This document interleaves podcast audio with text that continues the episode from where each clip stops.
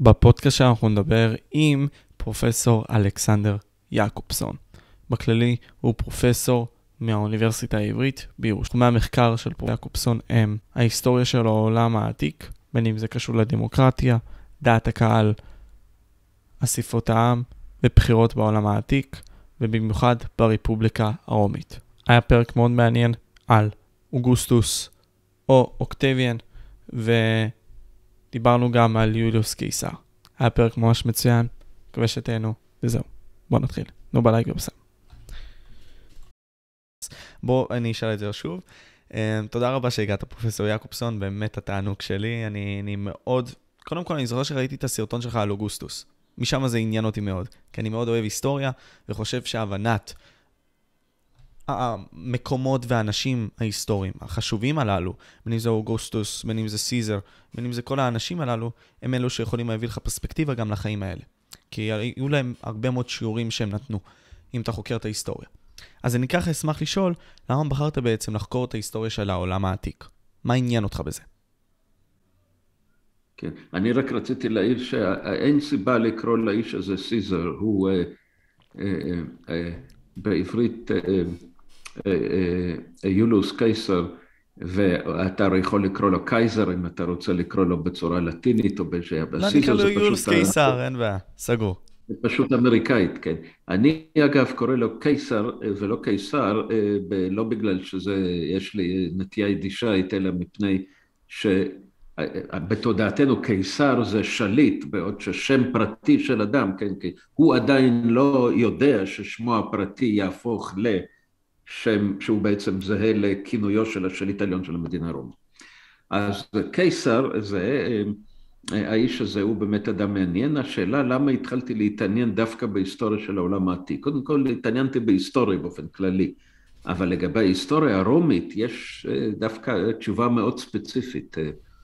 אמ, לפני המון זמן, כשהייתי תלמיד תיכון, ועדיין הייתה בישראל טלוויזיה בשחור לבן. אני ראיתי אה, בערוץ הראשון והיחיד של הטלוויזיה הישראלית את הסדרה אני קלאודיוס של ה-BBC, I, Claudius.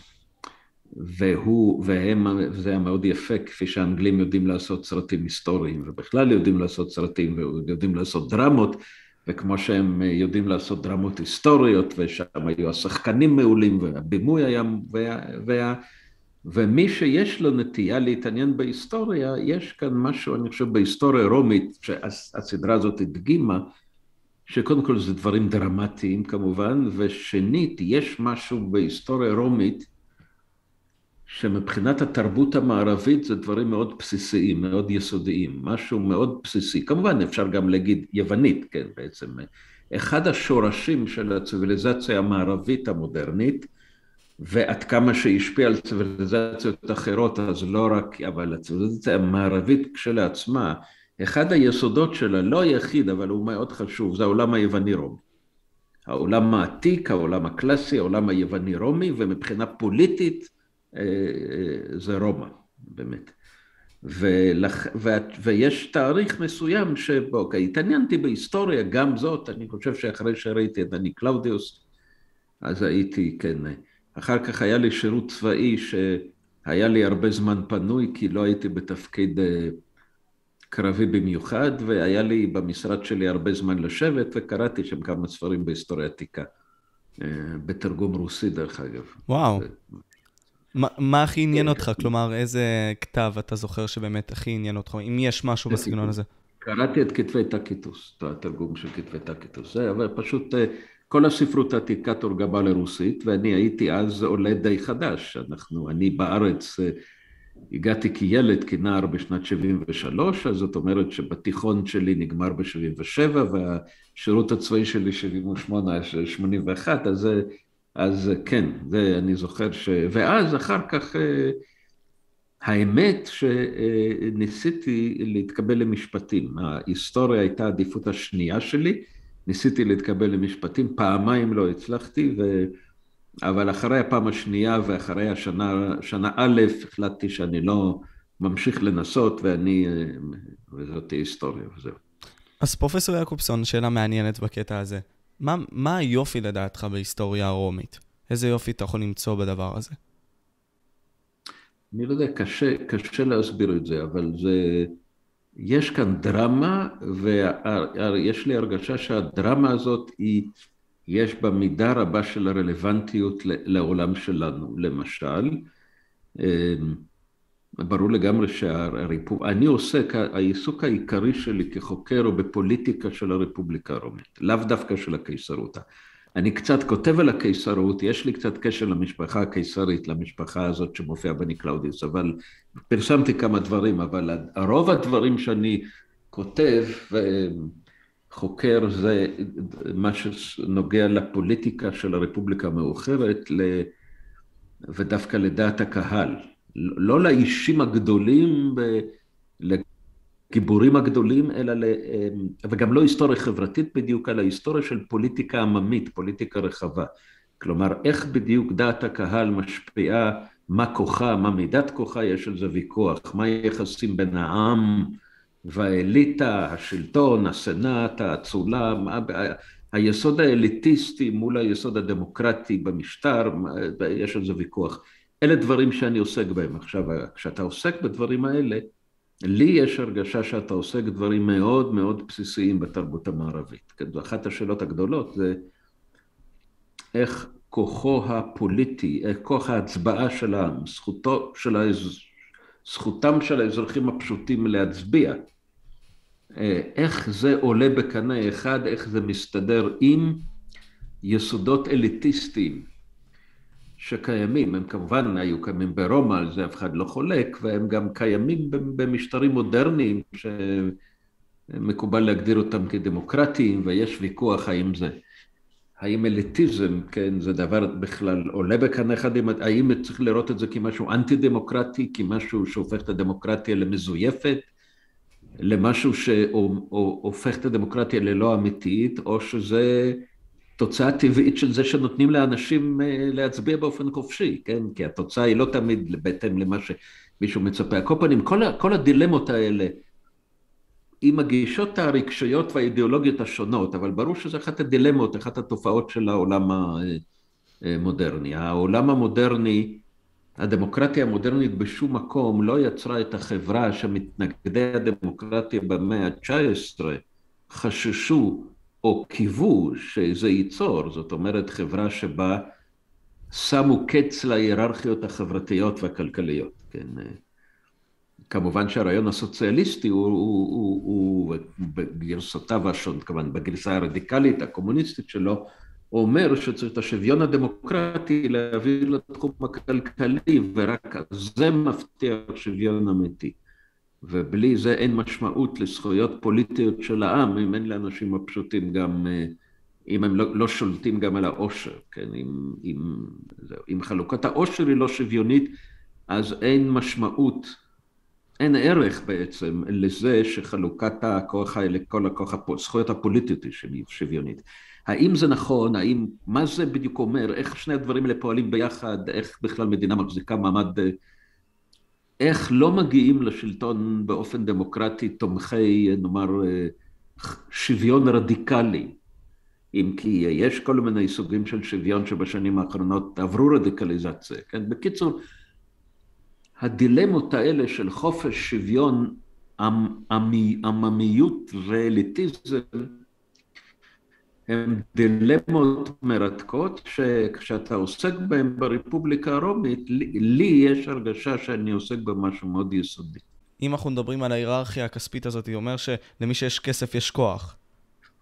אחת ההיררכיות. אחת ההיררכיות, לא ההיררכיה של מרקס. כן, זה, מרקס חשב שזה כמובן העיקר, הכוח, יחסי הכוח, כוחות היצור, ההיררכיה הכלכלית, העושר. היכולת לייצר עושר. זה כמובן מאוד חשוב, אבל אנחנו היום דווקא בתקופ... בשנים האחרונות, יש השלמה עם חוסר שוויון כלכלי במידה רבה, למרות שיש ניסיונות לצמצם אותו, אבל יש אה, בעצם הסכמה מאוד רחבה שלא צריך בעצם, בעצם מעטים מאוד ינסו לבטל את ה... חוס... לבטל לגמרי, כלומר להבטיח שוויון כלכלי, שוויון בהכנסות. אה, אבל לעומת זאת, יש ניסיונות הרבה יותר רציניים להבטיח שוויון בתחומים אחרים שדווקא מרקס לא חשב עליהם, כמובן התחום המגדרי, כן, זה, זה כמובן דוגמה מאוד מובהקת, התחום התרבותי, התרבות המערבית ומוצא אתני, תרבות, שפה, גזע כמובן, נטייה מינית, כן, לא רק מגדר, אלא נטייה מינית, כל, מיני היררכיות וכל מיני דברים שעל פיהם אפשרי לחלק את החברה. כן, לוקחים את, מיישם, יש ניסיון רדיקלי ליישם את עקרון השוויון מחוץ לתחום הפוליטי, ולאו דווקא בתחום הכלכלי, בהרבה תחומים שהם לא בדיוק פוליטיים ולא בדיוק כלכליים, כן, שמרקס, כן, אני, לא, לא, לא, הוא, הוא חשב שהסיפור האמיתי זה למי יש כסף, למי יש עושר, בידי מי יש אמצעי הייצור שמבטיחים לו את העושר, זה את העושר, כן, כל מיני נאו-מרקסיסטים היום נניח נהיים פמיניסטים רדיקליים או, או פוסט-קולוניאליסטים, אנטי-קולוניאליסטים רדיקליים, מתוך הנחה שבכך הם נאבקים למען השוויון. אבל הם, הם כבר פחות לוקחים כמובן מאליו את, ה, את הפרימט של העניין הכלכלי. Mm-hmm. מובן. ובחברה הרומית, כלומר, איך זה, אם אנחנו. טיפה ניגע בזה, אה, בשביל לתת איזשהו בסיס מסוים לחברה עצמה, אה, על פי איזה יסודות הם התחל, התחלקו, החברה עצמה? מה היה הדבר שהחזיק אותם? כמובן שבחברה הרומית ברור לגמרי שהתחום היחיד שבו הייתה מידה של שוויון, זה התחום של השוויון בפני החוק, זה היה אידיאל, דין שווה לכולם, וסוג של שוויון כלפי אזרחי רומא, כמובן גברים, כן, בני חורים, גברים ואזרחי רומא. גם לא שוויון מוחלט, אבל סוג של שוויון, ודין אחד, שוויון, שוויון בפני החוק במובן הבסיסי ביותר, שצריך להיות דין אחד לעני ועשיר, ואגב, דין אחד במידה מסוימת, גם ניסו להכיל את זה על אנשים שהם אינם אזרחים בתנאי שהם בני חורים.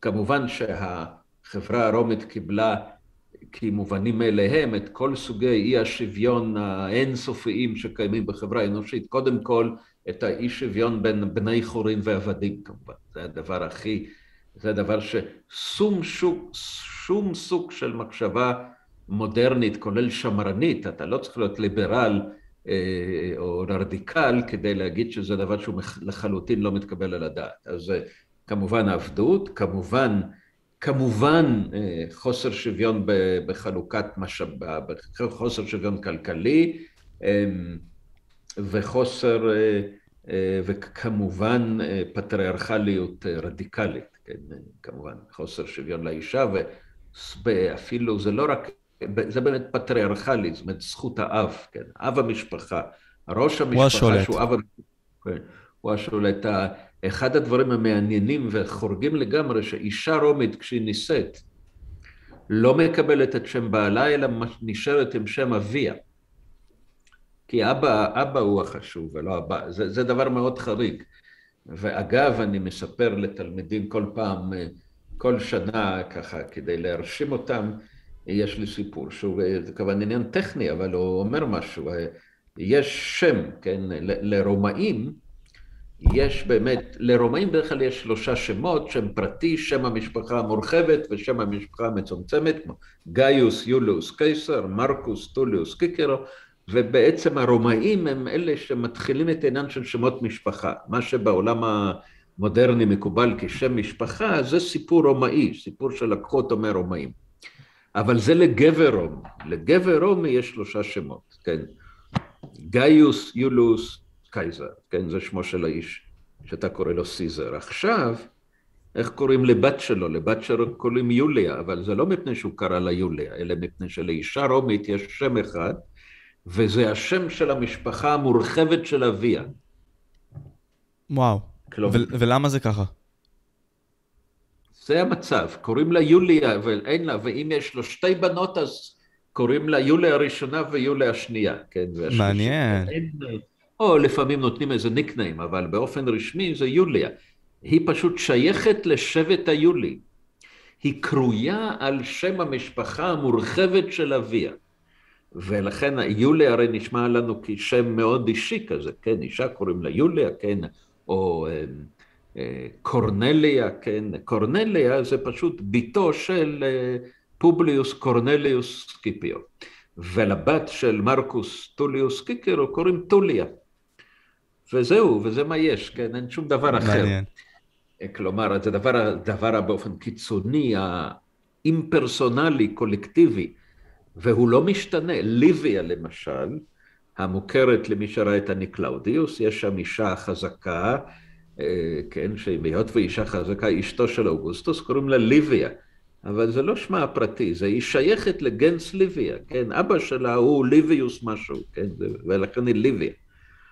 כן, אז זהו, אז זה לא שם פרטי, אלא זה, והיא לא, כן, היא ליביה וככה היא נקראת, כן, היא לא נקראת גברת אוגוסטוס, כן.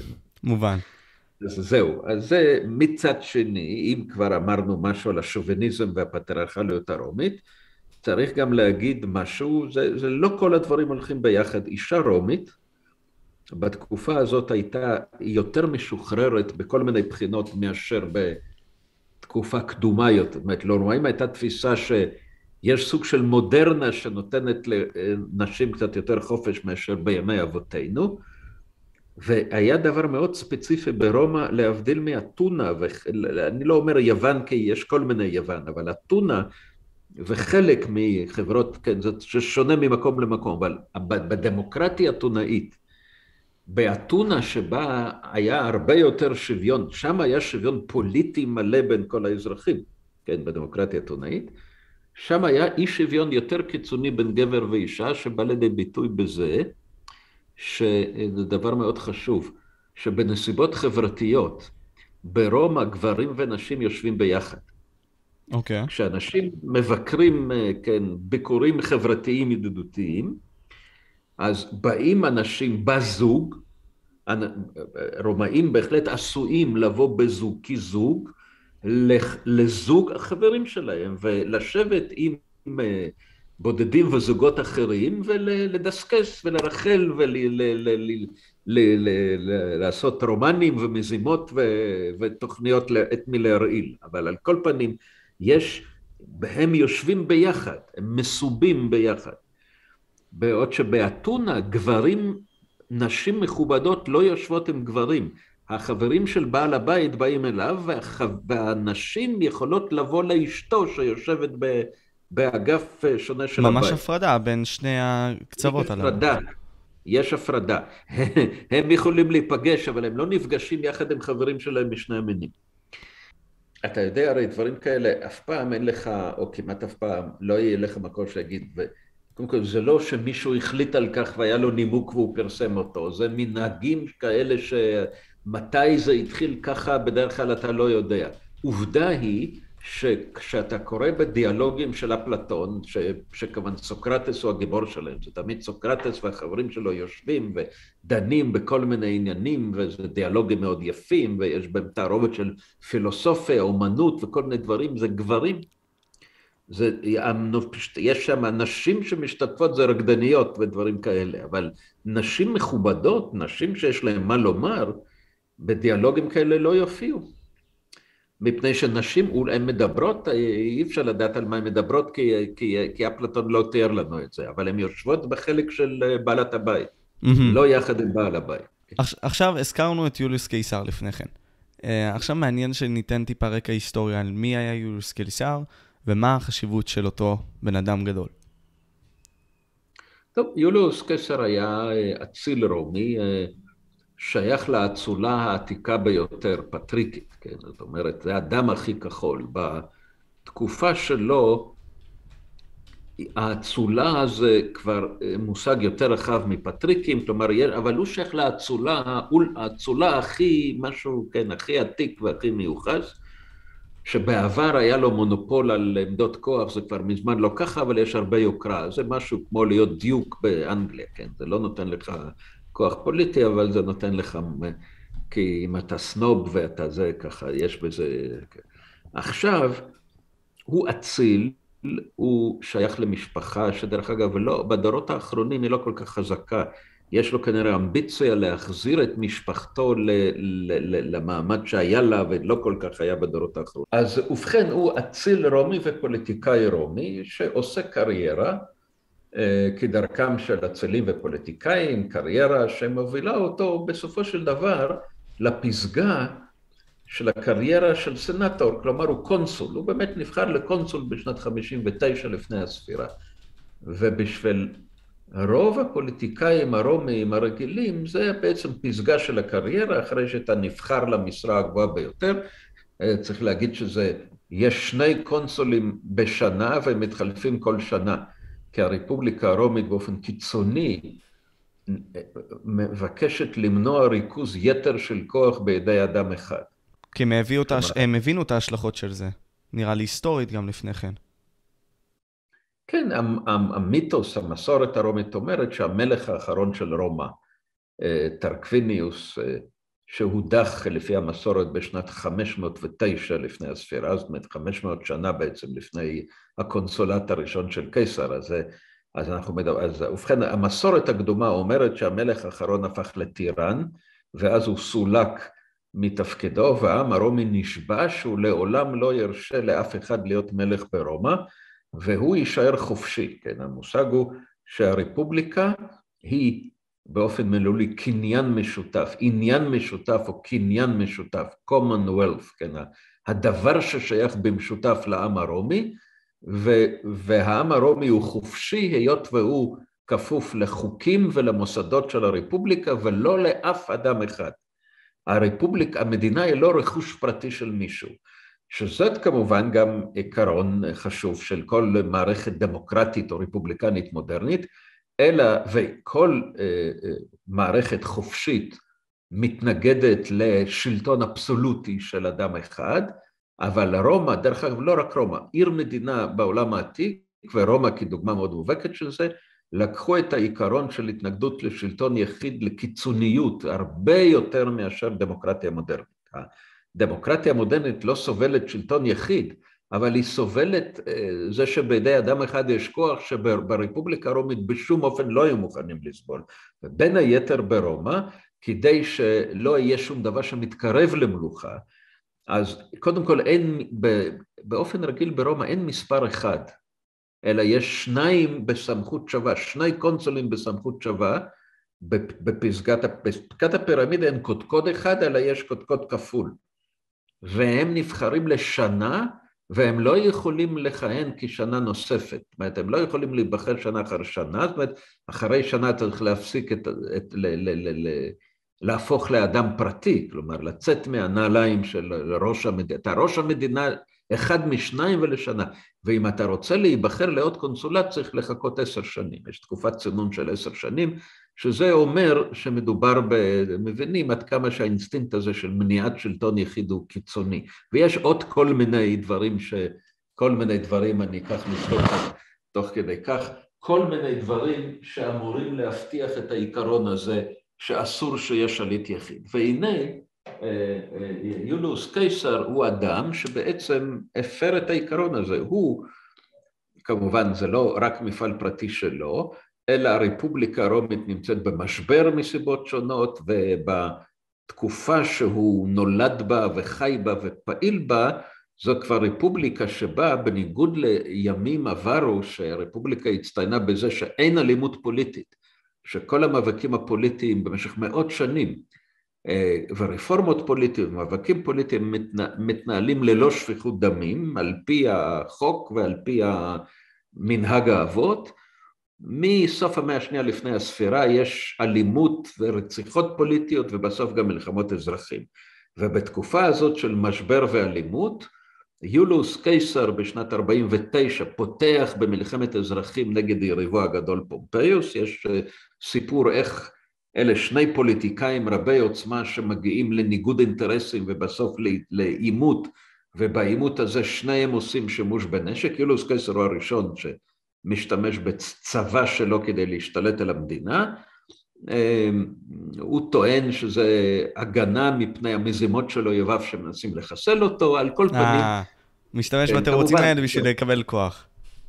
אף אחד לא אומר אף פעם, אני מתחיל מלחמת אזרחים כדי להשתלט על המדינה ולחסל את הרפובליקה הרומית. זה אף אחד לא אומר דבר כזה, כולם מתגוננים. העניין שעם יולוס קיסר זה אחרי שהוא מנצח במלחמת... והוא, כל זמן שיש מלחמת אזרחים, מבינים שיש סוג של משטר חירום והכללים הרגילים לא תופסים. זה מלחמת אזרחים. אבל לרומאים כבר היה תקדים אחד של מלחמות אזרחים, זה שנות ה-80 של המאה הראשונה, בדור שלהם, כשיולוס קיסר היה אדם צעיר. זה סולה, כן, אדם שגם כן הגיע לדיקטטורה כתוצאה ממלחמת אזרחים, אבל הוא, סולה, אמנם טבח במתנגדיו וביצע, עשה התאמות במשטר על פי ראות עיניו, ולאחר שסיים את הדבר הזה, פרש מהדיקטטורה והתפטר והחזיר את הרפובליקה. בעצם, בעצם, למרות שהוא הפר את כל הכללים, הוא עדיין שמר על הכלל החשוב ביותר, והוא זה ששלטון יחיד ברומא יכול להיות לגיטימי, אבל רק פתרון זמני בשעת חירום קיצונית. הדיקטטורה הייתה משרה לגיטימית ברפובליקה הרומית, ושניתן היה למנות דיקטטור בשעת חירום, אבל לכל היותר לשישה חודשים. ואחרי שישה חודשים הוא היה צריך לפרוש. ואם פגע, ב... אם עשה משהו לא לגיטימי, אפשר היה להתחשבן איתו, לתבוע אותו לדין אחרי שישה חודשים. זה היה מוצאי שבת של השבת של הדיקטטורה שלו. וסולה, למרות שהוא נשאר יותר מחצי שנה, הוא היה שנה וחצי, אבל זה עקרונית הוא עדיין האמין שאתה עושה מה שצריך כשאתה מגיע למלחמת אזרחים, ואתה, אבל בסוף אתה לא הופך לשליט יחיד ל, כפתרון קבע, כתופעת קבע, אלא זה מין תרופה, שלטון יחיד זה מין, תרופ, זה מין התערבות כירורגית או תרופה חזקה אבל אז כשהרופ... כשהחולה מבריא, אז גמרנו. אז אתה עוזב. אתה עוזב והולך הביתה. ומבחינה זאת הוא נשאר עדיין רפובליקני. הוא אדם ברוטלי, רצחני, ועדיין רפובליקני. יולוס קיסר היה ההפך מסולה. הוא היה אדם הרבה פחות רצחני, הוא הצטיין באי רצחנות. הוא הכריז כשמלחמת האזרחים התחילה, שיש לו מדיניות שהוא לא מוציא להורג. כלומר, מי שנהרג בקרב נהרג, אבל אזרח רומי שלא נהרג בקרב חייו לא יהיו בסכנה ולאויביו שהוא לא רק שלא הוציא אותם להורג אלא לכל מי שהיה מוכן להבטיח שהוא לא ממשיך את המאבק המזוין שלא יילחם בו הוא גם הטיל, פטר אותם מעונש, אפשר להם לחזור לרומא ולהצטרף לסנאט, לחזור לחיים הפוליטיים ו, ואכן שניים מאלה שבסופו של דבר קשרו נגדו ורצחו אותו היו אנשים שהוא נתן להם חנינה בזמן מלחמת אזרחים, כן? נהגו כלפיו בכפיות טובה אישית, אבל התירוץ שלהם היה שהם רצחו אותו כי הטירן, והנאמנות לרפובליקה קודמת לנאמנות אישית. ועל כל פנים, מה שקורה שיוליוס קיסר, כאמור, הוא אה, מגיע למסקנה שהרפובליקה זה סיפור שנגמר, ובשלב הנוכחי של ההיסטוריה מה שהמדינה הרומית זקוקה לו זה שליט יחיד, והוא גם חשב שהוא יודע מי המועמד הטוב ביותר לתפקיד הזה, זה הוא עצמו.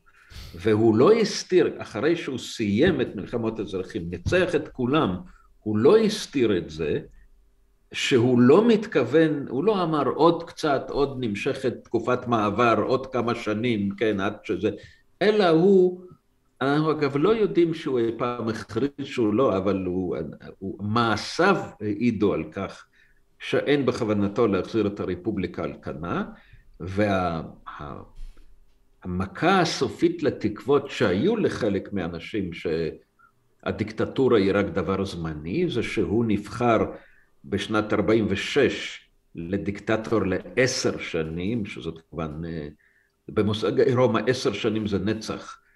אבל ב-44 הוא נבחר לדיקטטור לכל ימי חייו. וואו. מפני שנבחר משום שברומא אתה תמיד נבחר. כל דבר זה החלטה של הסנאט והעם, המלצה של הסנאט, חקיקה של אסיפת העם, אבל המוסדות האלה הם כמובן חותמת גומי, ומעניקים לו דבר שהוא אומר באופן שאי אפשר לפק שהרפובליקה באמת כן, דיקטטור לכל ימי חייו אומר שאין, הרפובליקה איננה, הרפובליקה מתה. וכל ימי חייו, מאז שהוכרז כדיקטטור לכל ימי חייו, היו חודשיים.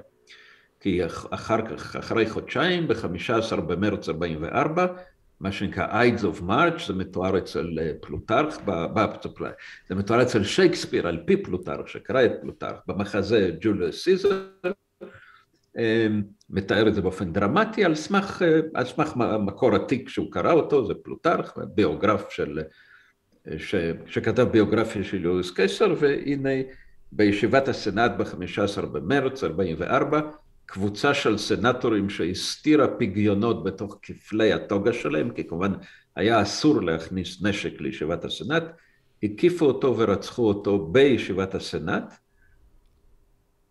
על פי העיקרון שטירן דינו מוות, אדם שהוא משתלט על המדינה והופך להיות שליט יחיד, דינו מוות, כן, אין, גם אי אפשר לתבוע אותו לדין הרי, כי אין דין כבר, אז ובכן הם שחררו את הרפובליקה מהטירן, והם חשבו, במיוחד ברוטוס, כן, ברוטוס וקסיוס זה שני ראשי הקשר, ולפי המסורת ברוטוס הוא האיש היותר אידיאליסטי, אדם שהוא באמת העניין האידיאולוגי יותר חשוב, ולפי המסורת קסיוס, חברו היותר פרקטי, יותר פרגמטי, הציע לחסל גם את מרקוס אנטוניוס. מרקוס אנטוניוס היה עוזרו הבכיר של קיסר וקונסול של שנת 44, כן? בשנת 44 היו שני קונסולים, יוליוס קיסר שהיה דיקטטור וקונסול, והקונסול השני היה מרקוס אנטוניוס. אז ברגע שקיסר איננו, מרקוס אנטוניוס הופך להיות ראש המדינה. אז ובכן, קסיוס הציע לרצוח גם את מרקוס אנטוניוס, בתור האיש הכי מקורב לדיקטטור. וברוטוס לפי המסורת אמר, לא, לא, אנחנו לא רוצחים, אנחנו רק רוצחי טירן, רק את הטירן אנחנו הורגים בלי משפט, שום אזרח רומי אנחנו לא נהרוג בלי משפט, וגם מרקוס אנטוניוס יגיד לנו תודה, כי הוא יהיה עכשיו אזרח חופשי ברפובליקה חופשית, כן. הוא גם ברח, היו... הוא פחד מזה, הוא פחד מזה שיהרגו אותו בכל מקרה. הוא בהתחלה פחד, באותו רגע כן, אבל אחר כך הוא כמובן, היו לו מספיק תומכים, משאבים, חיילים, כסף וכל מה שצריך כדי לתפוס עמדת כוח. ובכן, הרצח של יוליוס קיסר, רצח הטירן, כפי שהם ראו את זה, לא גרם ל... אה, לחיסולה של הטירניה, של, שלטון היחיד עצמו, אלא לסבב נוסף של מלחמות אזרחים. אני כמובן מקצר, קרו כל מיני דברים. בגדול מה שקרה, שחל עוד סבב של מלחמות אזרחים, או אפילו שניים או שלושה, היו עוד כמה מלחמות אזרחים שבמשך שנות ה-40 וה-30, כן, היו כל מיני דברים שהם בעצם המשך הסיפור של מלחמות האזרחים שהתחילו ב-49 בפלישה של קיסר לאיטליה, ובסופו של כל המחזור הזה של מלחמות אזרחים, מי שיצא כמנצח, מי שניצח את כולם, כולל בשלב הסופי את מרקוס אנטוניוס, הוא הגיע לגמר, כן, מרקוס אנטוניוס, אבל מי שניצח בגמר, מי שחיסל אותו ונשאר עומד לבד כמנצח ושליט על כל העולם הרומי האדיר, זה האיש שנולד תחת השם גאיוס אוקטביוס, ושנכנס להיסטוריה תחת השם אוגוסטוס. או, אז לפני שאנחנו ניכנס לאוגוסטוס, ולפני שניכנס גם למה שקרה אחרי מוות של אה, יוליוס קיסר, אשמח שנסכם יותר את דמותו של קיסר בתור איך אתה מסתכל עליו? כלומר, מה אפיין את הדמות שלו, אם נסכם את הדמות שלו? קודם כל הוא אדם, אה, ברור שהוא אדם מוכשר מאוד, גאוני מכל מיני בחינות. אה, הוא כמובן היה מצביא מוכשר, כן, הרי כבש, כן, אחד, ה, אחד ה, כנראה המצביעים המבריקים ביותר בעולם העתיק, כן, הוא בין היתר, כן, המפעל כמובן, המפעל הצבאי החשוב שלו זה כיבוש גליה, זאת אומרת צרפת פלוס, כן, זה הרי מיתוס הישות של צרפת, המלחמות של אה, יוליוס קסר נגד הגלים. הצרפתים רואים את עצמם גם כהמשך של הגלים.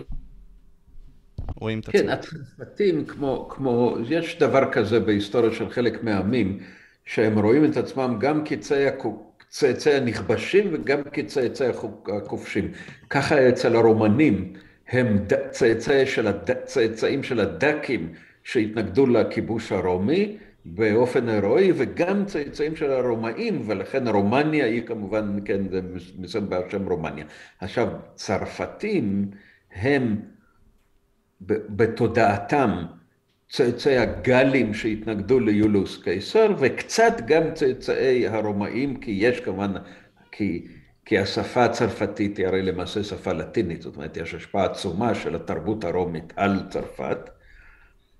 כן, זה שפה רומנית, זה ציוויליזציה רומנית, הם רואים את עצמם כקרובים לה, למשל לאיטלקים ולספרדים מבחינה זאת, אלה רומנים.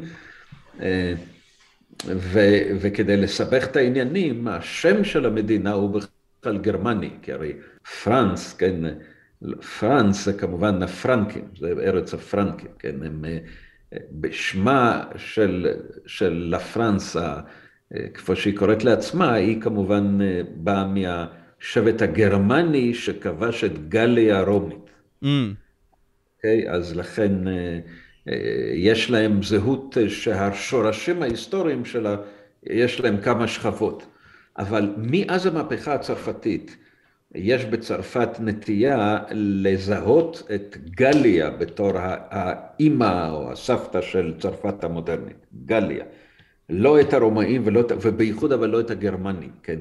כי מה שהתקבל במהפכה זה שהאצולה הצרפתית מוצאה מהפרנקים, היא פרנקית, אבל העם הצרפתי מוצאו מהגלים, מהשכבות ה... ויש בזה משהו, כי הפרנקים, הכיבושים הגרמניים, מה שהם גרמו זה שהם לא החליפו את העם, אלא כפו עליו שכבה של, של נסיכים, כן, של מה שאחר כך יהפוך לאצולה, של הצ'יפים הגרמניים ואנשי הזרוע שלהם, שהופכים אחר כך לאבות אבותיהם של אצילי צרפת. זאת אומרת, זה קצת עניין לאומי וקצת עניין מעמדי, אבל כל פנים הזהות של, ה, הזהות של העם, המעמד השלישי, מה שנקרא, האומה, העם הצרפתי, להבדיל מהמלך והצול, בית המלוכה והאצולה, עם הגלים, זה כשלעצמו סיפור...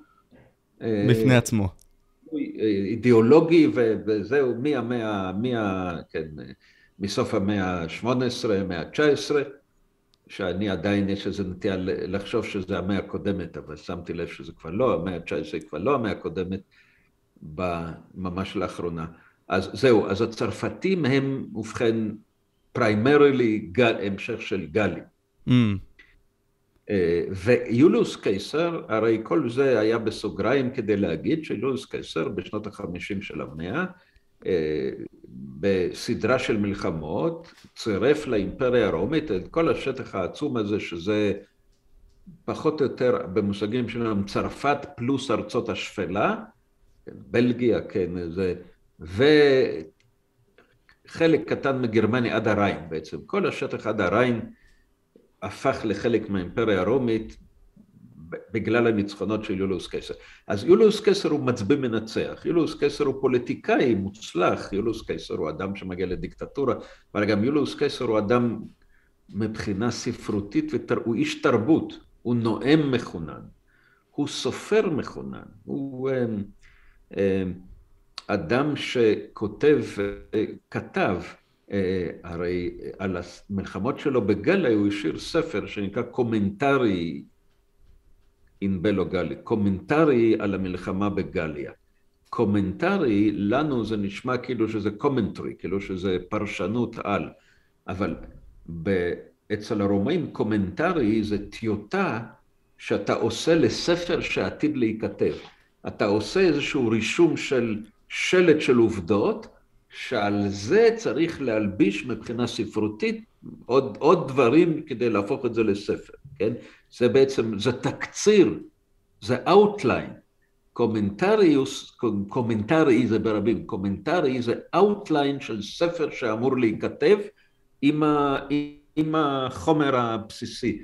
ועל זה אמר קיקרו, שלא היה חבר של קיסר מבחינה פוליטית, אבל העריך אותו מבחינה תרבותית, כאיש תרבות וספרות, אמר, משוגע מי שיכתוב ספר על הקומנטרי האלה, זה כל כך יפה. זה כתוב בלטינית כל כך יפה, בהירה וצלולה ואלגנטית, לא, לא, לא פשוטה ואלגנטית, שכמו שזה, זה לא שלד לספר, אלא זה ספר, כן, וזה, לאנשים האלה, האיכות, האיכות של הלטינית, האיכות של, היכולת של יוליוס קיסר לנאום בלטינית ולכתוב בלטינית ברמה גבוהה, היה, בשביל קיקרו היה, זה היה דבר מאוד מאוד חשוב. קיקרו היה בן אדם מאוד עמיד באותה תקופה. כלומר, אם אנחנו עכשיו ניתן איזשהו קונטקסט עליו, הוא היה בן אדם מאוד עמיד, היה בן אדם שרושם ספרים, אם אני לא טועה. הוא היה בן אדם כן, מאוד חשוב.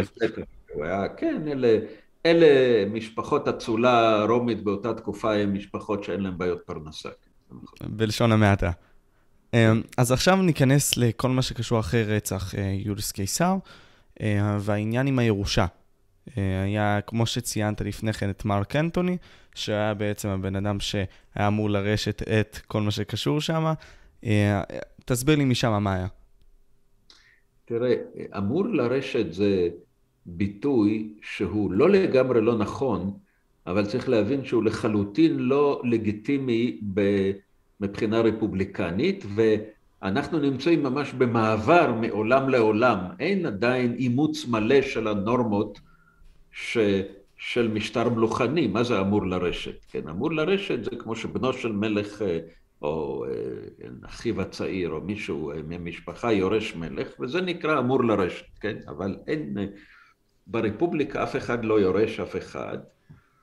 כמובן, בנו של אציל רומי חשוב, הוא בדרך כלל יהיה יורש במובן זה שבזמנו הוא יהיה קונסול.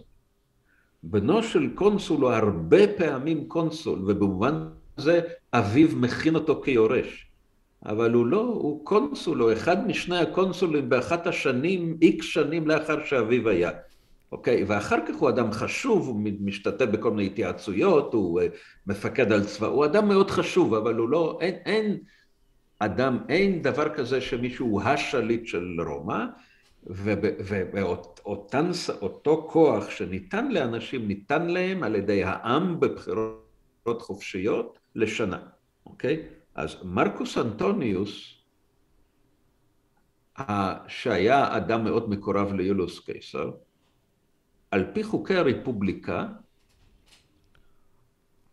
על פי החוק, הדיקטטורה של קיסר ניתנה לו אישית, שוב פעם, בחוק, החלטה של הסנאט וחקיקה של אספת העם.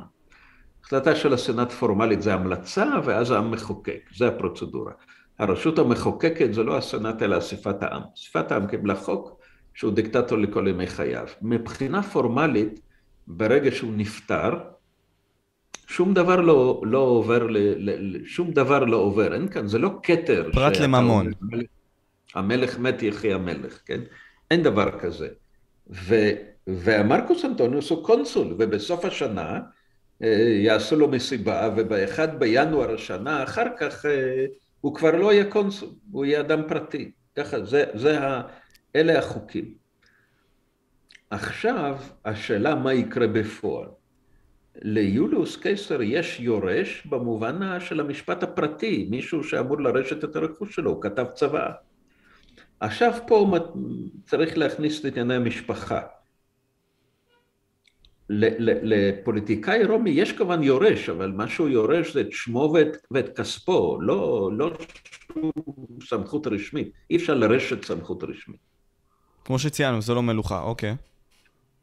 אגב, דרך אגב, באופן פורמלי, גם לא בקיסרות, גם בקיסרות הרומית, הקיסרים הרומים, במשך מאות שנים אחר כך, פורמלית, הם מקבלים את השלטון מהסנאט והעם. זאת אומרת, כשמת הקיסר הקודם, אז מי שאמור לרשת אותו, בין שהוא יורש משפחתי, או בין שהוא זה מישהו אחר, בין שאפילו זו הפיכה, הוא נהיה קיסר משום שהסנאט והעם קיבלו חוק שמעניק לו את הסמכויות הקיסריות. זאת אומרת, זה לא, זה לא ירושה אוטומטית, mm. אפילו אם זה בתוך אותה משפחה. אבל כמובן, כשזה ירושה בתוך אותה משפחה, אז הסנאט והעם מאשרים, הם חותמת גומי, כן? ואז זה בעצם סוג של טקס. עכשיו, אה, בצוואה שלו, הייתה לו צוואה, כשהוא מת, כשהוא, לאחר שהוא נרצח בלוויה שלו, קראו את הצוואה שלו. בצוואה שלו היה כתוב שהוא מאמץ לבנו, לא היה לו בן. צריך כמובן להתחיל פה, שליולוס קיסר לא היה יורש במובן הטבעי הרווח ביותר, כי לא היו לו בנים, האמת היא שהיה לו ככל הנראה בן מקליאופטרה. Mm. כנראה שהבן הביולוגי היחיד שלו, הקופונים המתועד, לא היה לו בן מאשתו החוקית. קלפורניה, אשתו זאת שלרגע רציחתו היה נשוי קודם ואחר כך הוא היה נשוי לקלפורניה, אישה ממשפחה אצלית שלהם לא היו ילדים. עכשיו, ולא היו לו בנים מנישואים קודמים. הייתה לו, הייתה לו בת, הצאצא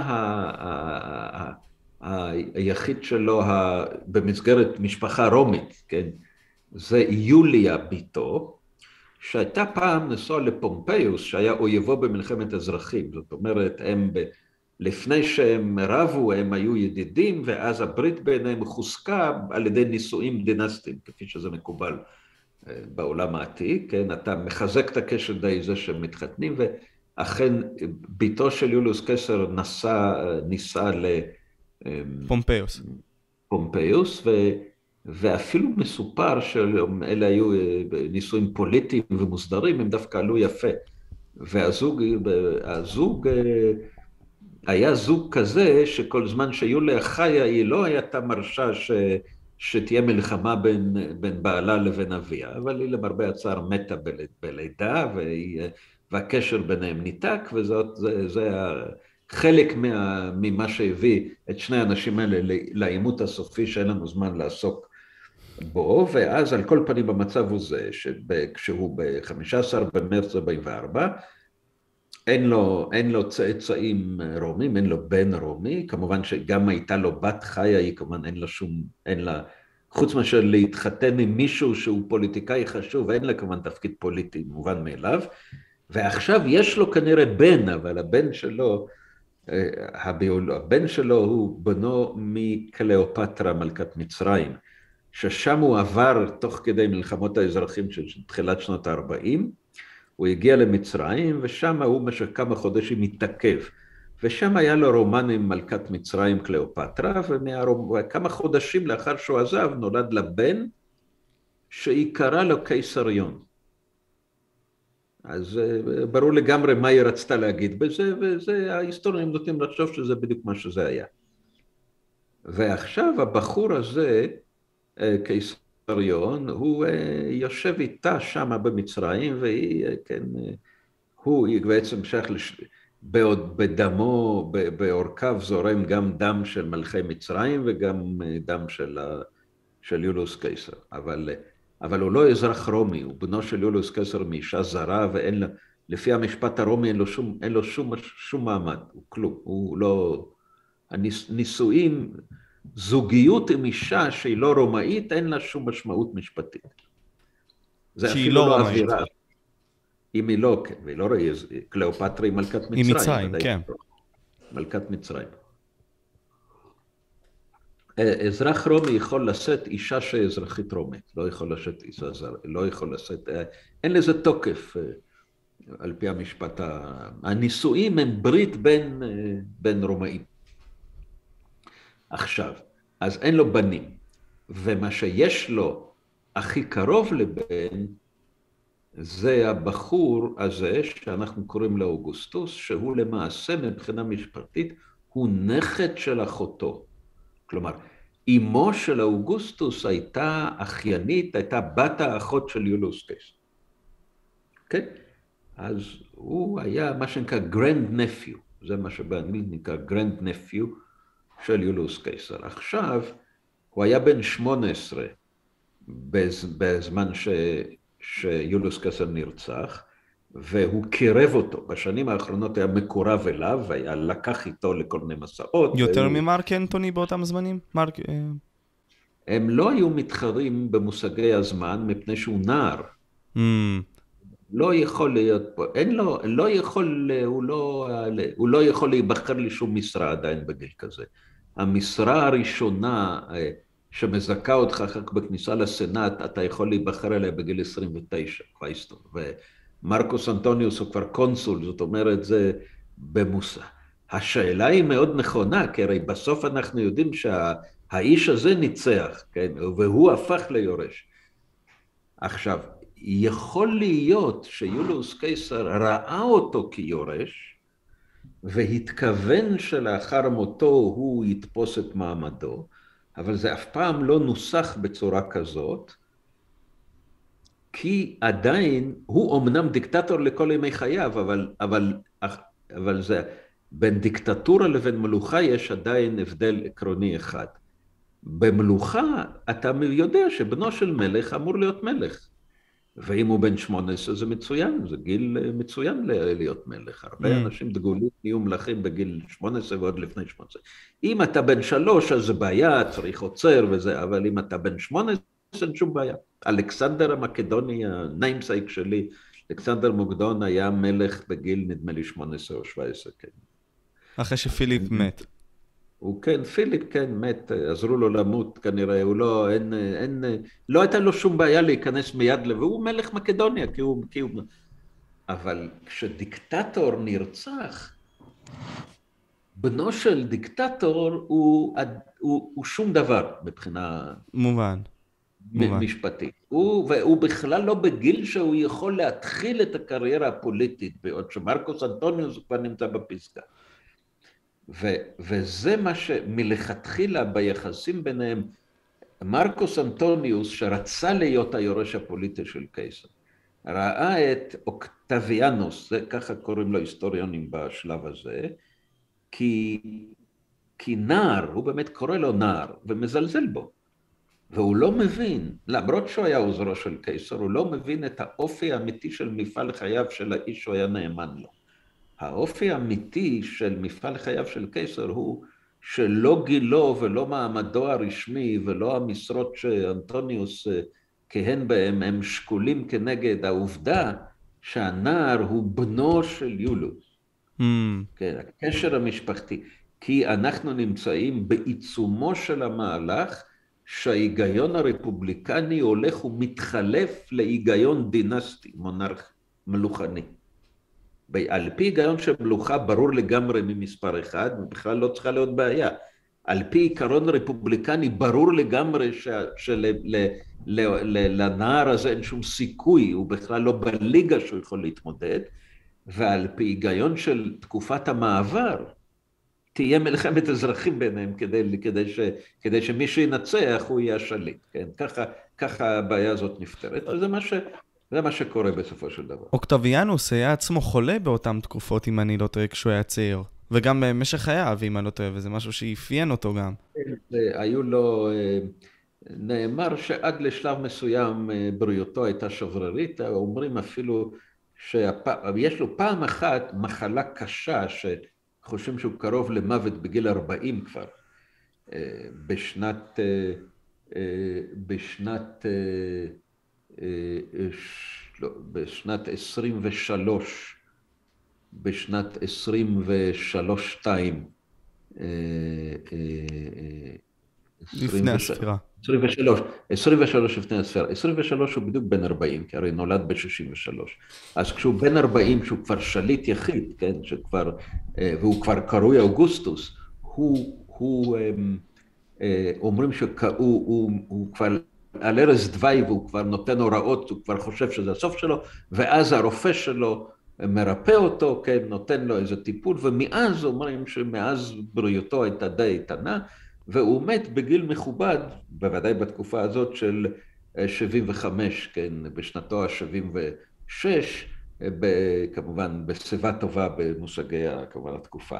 אבל כשהוא היה צעיר הוא היה חולה, חולני, ובכמה נקודות חשובות הוא היה חולה ויש חשד שזו אולי מחלה דיפלומטית, אבל אי אפשר לדעת כי הוא באמת היה חולה. זה נכון. אבל לא הייתה לו חולניות מתמדת, זאת אומרת, הוא לא, הבעיה שלו, הוא מגיע לרומא, הוא נמצא, אה, האיש הזה לא נמצא ברומא כשיולוס קיסר נרצח. יולוס קיסר שולח אותו לאפולוניה, לחוף, אה, לחוף הים האדריאטי, כן, איפשהו בקרואטיה של היום, משהו כזה, אם אני לא טועה. אה, הוא שולח אותו כשהוא בן 17-18, כן, כנער, יחד עם ידידו הטוב, מרקוס אגריפה, שיש לו עתיד גדול אחר כך, והם נמצאים בכזה הכנה, אה, באיזשהו שילוב של בית ספר פרטי ומחנה אמונים. הם עוברים, הם גם לומדים וגם עוברים אמונים לקראת אותו דבר שיולוס קיסר חשב עליו בסוף חייו. הוא נמאס לו להיות, אחרי ניצחון מלחמת אזרחים, הוא היה ברומא רק כמה חודשים, נמאס לו מלהיות ברומא, הוא רצה לצאת, הוא חיפש עוד מלחמה, עוד תהילה, והוא רצה לצאת למלחמה במזרח נגד הפרטים, נגד האימפריה הפרטית. והוא הכין צבא, ואמר ל, ל, לנער המקורב אליו שהוא ידע, אנחנו לא יודעים אם, אם, אם הנער ידע שבצוואה כתוב שהוא מאומץ, הוא לא אימץ אותו בחייו, לאיש הזה ההיסטוריונים קוראים בהתחלה אוקטביוס, כי תחת השם הזה הוא נולד, אחר כך אוקטביאנוס מהרגע, מאחרי רצח קיסר, כשהוא uh, מקבל את השם גאיוס יוליוס קיסר, הוא מקבל את השם.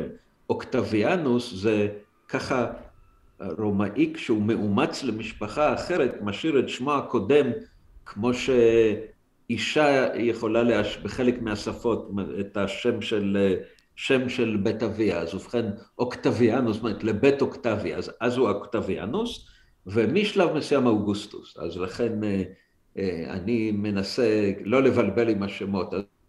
לפני אה, הרצח של יוליוס קיסר הוא זה אוקטביוס. אז אוקטביוס הוא מקורב לדיקטטור ויכול להיות שהוא יודע שהדיקטטור בצבא מאמץ אותו. האמת היא שלא כל כך קשה לנחש כי אין לו, ליוליוס קיסר זה הדבר הכי קרוב, הגרנד נפיו הזה, הנכד הזה של הבן של אחייניתו הזה, הוא הדבר הכי קרוב שיש לו לבן. ועכשיו יוליוס קיסר לא תכנן למות כל כך מהר.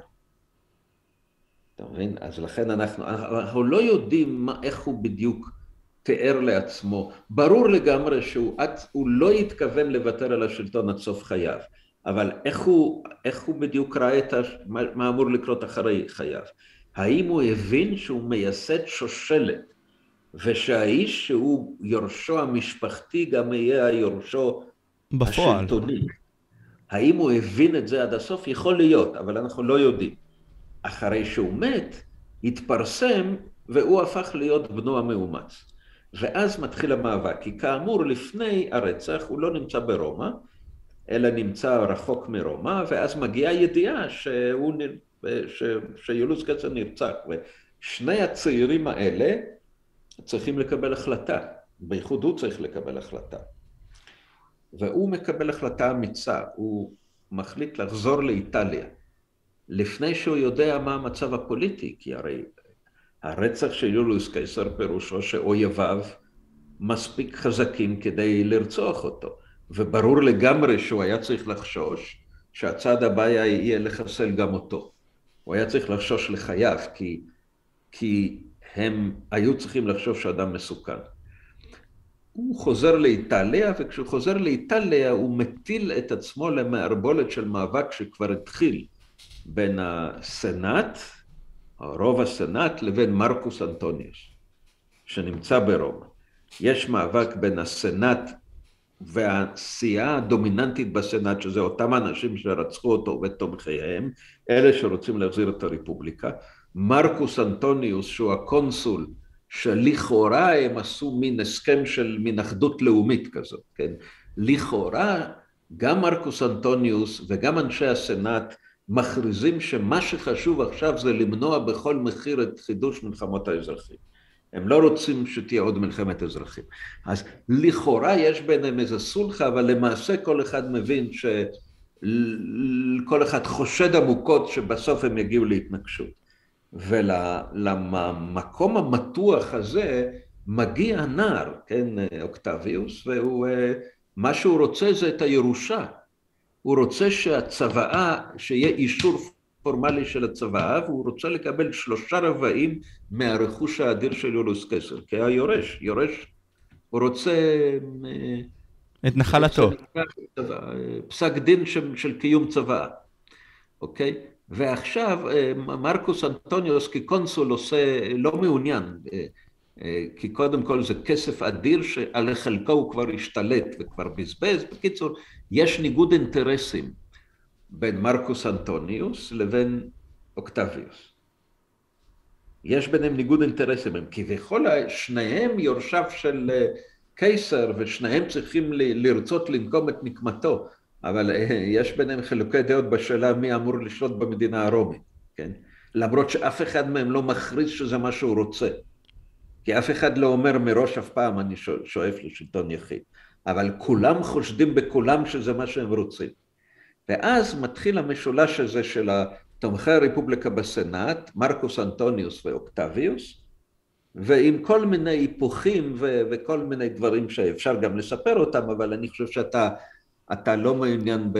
אתה לא, מכיוון שלא תצטרך לכתוב בחינה, אז חייך יותר קלים. אבל בכללי, בכללי, הם אבל, ניס, הם בכללי אבל ניסו להרוג את אה, האנשים שהתנקשו ביוליוס קיסר, לא?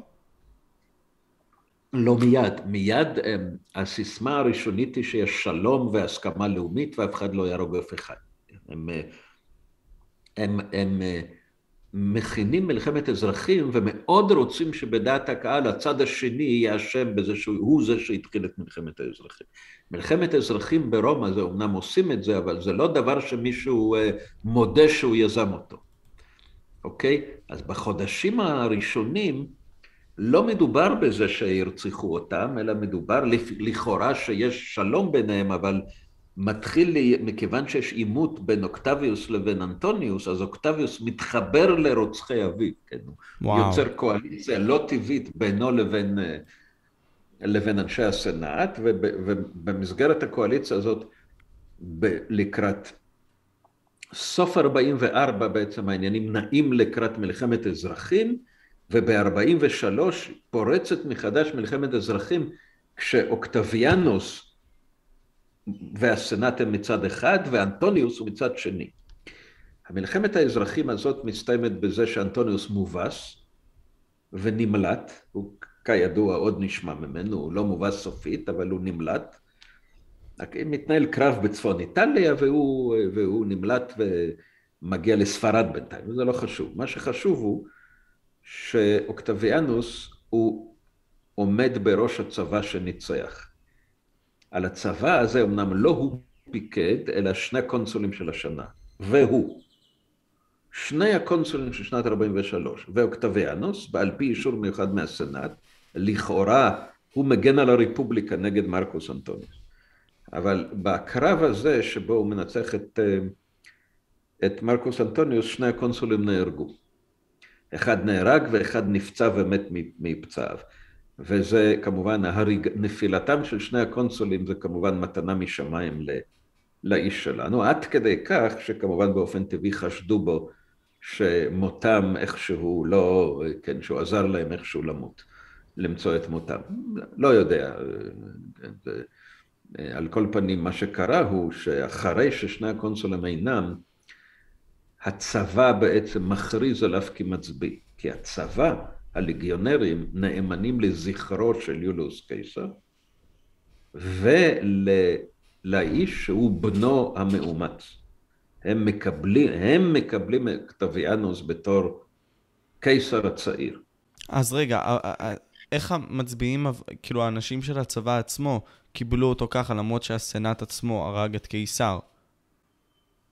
קבוצה של את קיסר. הקבוצה של? סנאט, סליחה, לא כל... כן. נכון. ואז ב-43 יש מלחמה שבה הסנאט כגוף, כביכול בשם הרפובליקה, נלחם נגד מרקוס אנטוניוס שעליו הכריזו כאויב. ו- ואוקטביאנוס, למרות שבאופן טבעי הוא היה אמור להיות בצד השני, הוא נלחם בצד הסנאט. איזה מוזר זה. זה מאוד מוזר, וזה גם, אחר כך, אה, לימים ייאמר שמלחמת אזרחים, אין מה, אין מה להתחשבן עם אנשים על הבוגדנות ועל ה... על זה שהם חצו את הקווים ועשו... כי מלחמת אזרחים זה דבר שבו אין כללים. ו... ו... ואם כבר הגענו לזה אז אין מה לעשות, ועכשיו צריך להבטיח ש... עכשיו צריך להבטיח שלא נחזור למלחמות אזרחים. איך נבטיח שלא נחזור למלחמות אזרחים? אנחנו, אנחנו, לא נערער על כך שאוגוסטוס הוא שליט במדינה הרומית. למרות שלא נקרא לו דיקטטור, כן? האימה מפני מלחמת אזרחים הופכת להיות בעצם ההצדקה של הפיכת שלטונו של האיש הזה, שיצא כמנצח מכל, מכל המהדורות האלו של מלחמות אזרחים, שבהם הוא היה פעם מצד זה ופעם מצד זה, על כל זה העבירו קו ואמרו המלחמות נגמרו וכדי שהשלום יימשך האיש הזה צריך להיות אזרח מספר אחד. הוא אף פעם, גם אחרי שכל המלחמות נגמרו, אף פעם לא הכריז על עצמו, כי ש... הוא לא לקח את התואר דיקטטור, בניגוד ליולוס קיסר, הוא לא נקרא אף פעם דיקטטור, כמובן. והוא גם, כמובן שהוא לא שם על עצמו כתר מלכות, והוא כנראה אף פעם לא הודה במפורש שהוא שליט יחיד של המדינה, אלא אחרי שנגמרו כל המלחמות, ומי שהגיע לגמר כאמור זה... אה, כן, אגוסטוס ו... ואוקטביאנוס, עוד מעט אוגוסטוס ומרקוס אנטוניוס, שבינתיים הוא מתחבר לקליאופטרה, כדי שאפשר יהיה לעשות סרטים היסטוריים אה, עסיסיים מהדבר הזה. קליאופטרה קליאופטרה יש לה גם בנים, יש לה בן מיוליוס קיסר ויש לה גם כמה בנים ובנות מאנטוניוס. אז רגע, בוא נחדד את זה שנייה, פרופסור יעקובסון. הוא נסע לספרד, ואיך הוא הגיע בעצם למצרים, לקליאופטרה? אה, לא, לא, לא, לא, זה ככה. הוא נוסע לספרד, הוא לא נוסע, הוא נמלט מספרד, יש שם איזה מישהו שמוכן לתת לו מקלט. ספרד שהיא תחת שלטון רומי כמובן, שהנציב הרומי, הוא, אתה יכול להגיע לספרד עם הנציב הרומי של ספרד, הוא, הוא מוכן לתת לך, מוכן לתת לך. ועכשיו, הצבא שהביס אותו, הוא נשאר בלי הנהגה, משום ששני הקונסולים אינם. הם נהרגו בקרב. ואז הצבא הזה מכריז על אוקטביאנוס כמצביא. נכון. ואז כשה, כשהצבא בידיו, הוא דורש מהסנאט לאפשר לו להיבחר לקונסול. כי הרי שני קונסולים אינם, אז צריך עכשיו לעשות בחירות ולבחור קונסול, כן? הוא דורש את הקונסולט. עכשיו, הדבר הזה הוא בניגוד לכל דין וכל... הוא, הוא לא כיהן בשום משרה, הוא לא בגיל שהוא יכול להיות... מה... אדם לפי החוק היה צריך להיות בן 42 מינימום כדי להיבחר לקונסול, אחרי שהוא כיהן במשרות נמוכות יותר. על פי חוקי הרפובליקה לא יכולת מיד לקפוץ לדרגה העליונה, אלא היו לך גילאי מינימום ודרגות עד שהגעת לדרגה הגבוהה. אז אז הבקשה של אוקטביאנוס לתת לו את הקונסולט זה בקשה לרמוס את כל חוקי הרפובליקה. ולכן הסנאט אמר לא, אבל כמובן שללא הזה לא היה גיבוי צבאי, כי הלגיונות היו איתו. ואז הוא עולה על רומא, כובש אותה, מבצע הפיכה ברוטלית, פונה נגד הסנאט שבשירותו הוא כביכול נלחם, כובש את השלטון, כמובן, מכיוון שזה רומא, אז אחרי שהוא פולש, אחרי שהוא כובש את רומא עם הצבא שלו, למחרת הצבא יוצא מהעיר ומכנסים את אסיפת העם והיא בוחרת אותו לקונסול, יחד עם עוד, עוד בן משפחה אחר. זאת אומרת, הוא, באופן פורמלי הוא נבחר, אבל למעשה הוא תפס את השלטון בכוח, ואז הוא נהיה קונסול באוגוסט, אוגוסט, לא במקרה אוגוסט, כן, ב-19 באוגוסט 43, אוגוסט, אחר כך החודש הזה, הרי ייקרא אוגוסטוס, כן, הרי זה, אנחנו עד היום קוראים לחודש הזה על שמו. הרי חודש אוגוסט קראו על שמו של אוגוסטוס, וחודש יולי, לא תופתע, הוא כמובן על שמו של יולוס קיסר. ואז נשאלת השאלה, למה כל החודשים? מה קרה עם הקיסרים האחרים? אנחנו חייבים את הישמרות השמות ה... חודשים, חוץ מיולי ואוגוסט, לחוש ההומור של טיבריוס, הקיסר השלישי. מי שבא אחרי אוגוסטוס, גם כן בן מאומץ שהוא בנה של לי ומניסים קודמים, לא משנה, הוא, הוא אחרי אוגוסטוס אה, עולה לשלטון, ואז מציעים, מציעים לו לקרוא לחודש טיבריוס, כן, על שמו. והוא אומר, ומה תעשו אם יהיו לכם שלושה עשר קיסרים? וזהו, והוא ויתר על הדבר הזה, לא רצה את זה, ולכן אנחנו, ולכן אנחנו, יש לנו אחרי אוגוסט, יש לנו ספטמבר ולא טיבריוס. טיבריוס, כן. אז... אבל אם אתה, אם מי שרוצה להיות רפובליקני ומתנגד לקיסרות, הוא לחודש אוגוסט צריך לקרוא לו סקסטיליס, כי זה השם הרפובליקני שלו. מעניין. זה השם המקורי. על כל פנים, הוא תופס את השלטון פשוט בהפיכה, בעזרת צבא, בצורה הכי ברוטלית. ואז, כשהוא כבר קונסול, אז הוא משלים עם אנטוניוס. כי עכשיו הוא רוצה להקים קואליציה איתו ועם כל תומכי קיסר נגד הרפובליקני. עכשיו כשהוא בעמדת כוח, וכבר אף אחד לא מערער על שהוא בנו של יולוס קיסר, הוא כבר השתחרר, השתלט על הרכוש שלו, יש לו רכוש אדיר, יש לו צבא שנאמן לו, הצבא הוכיח שהוא מוכן הלגיונרים מכבדים אותו כבנו של יוליוס קיסר, והוא גם קונסול, זאת אומרת, הוא כבר יש לו גם סמכות רשמית. עכשיו הוא מזמין את מרקוס אנטוניוס ועוד גנרל, אותו אחד שהיה מושל ספרד, לפידוס, גנרל של אחד האנשים החשובים, אה, מקורבים ליולוס קיסר, הם נפגשים, ב, עושים מפגש כזה, כאן, אה, מפגש דיפלומטי כזה, והם מגיעים למסקנה שאין להם מה לריב, הם צריכים להקים ברית נגד תומכי הרפובליקה. עכשיו הגיע הזמן להתחשבן עם תומכי הרפובליקה. כשהוא יכול לעשות את זה מעמדה של כוח, ואנטוניוס שמח, כי, כי באופן כזה הוא חוזר למרכז הזרע.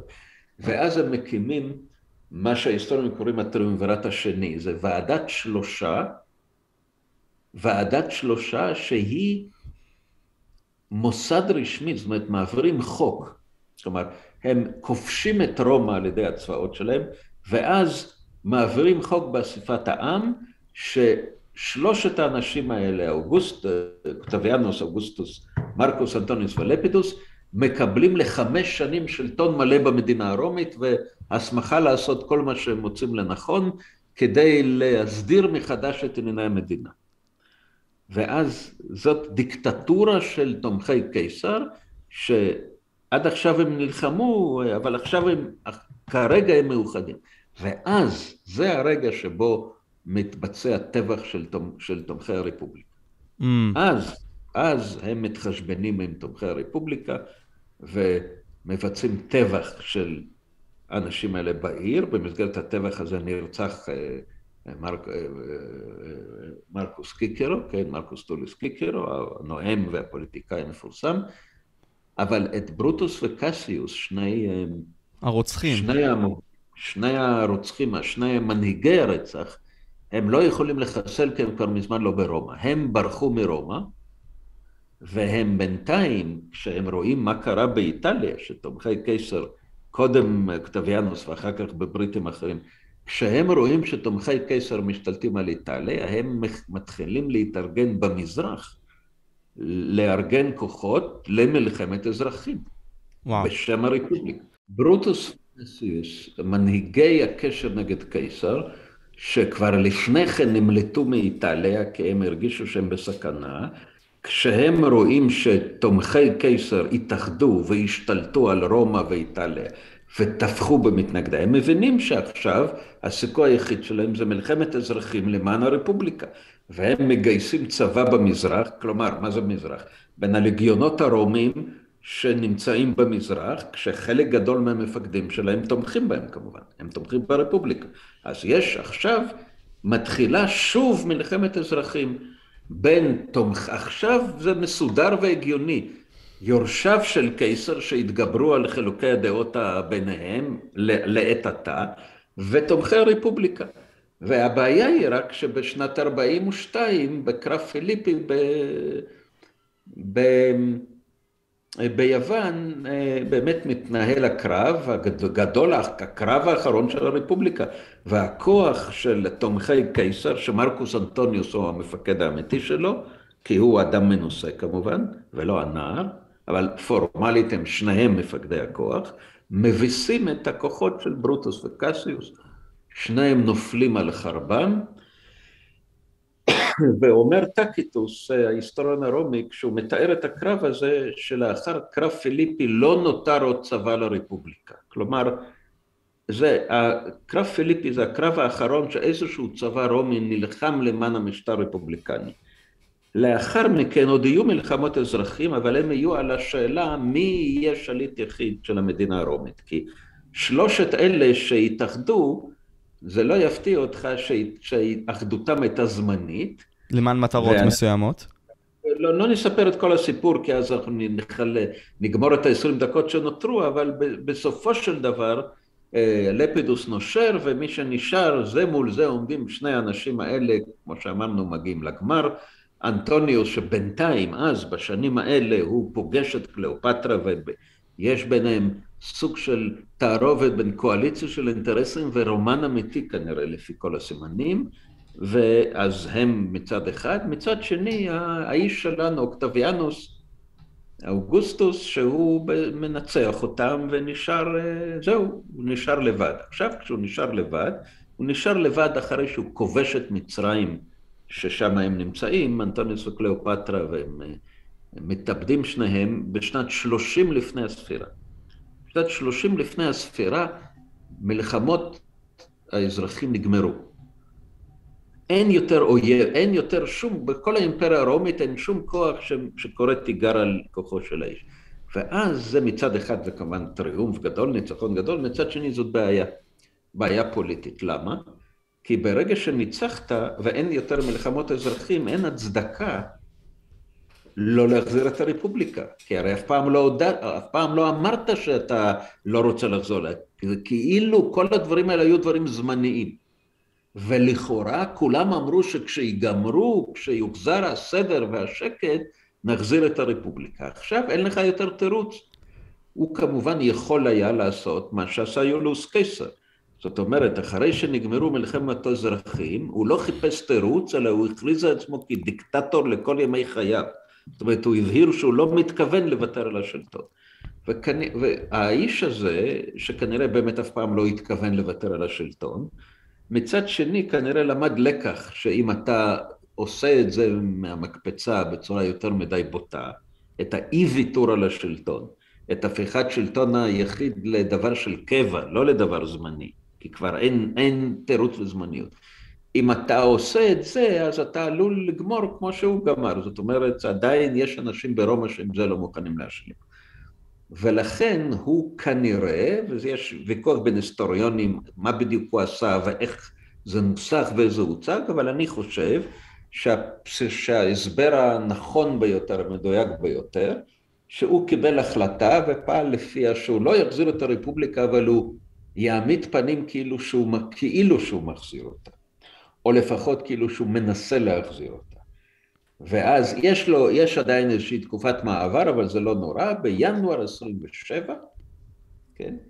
בינואר 27 הוא נכנס לסנאט ונואם נאום התפטרות.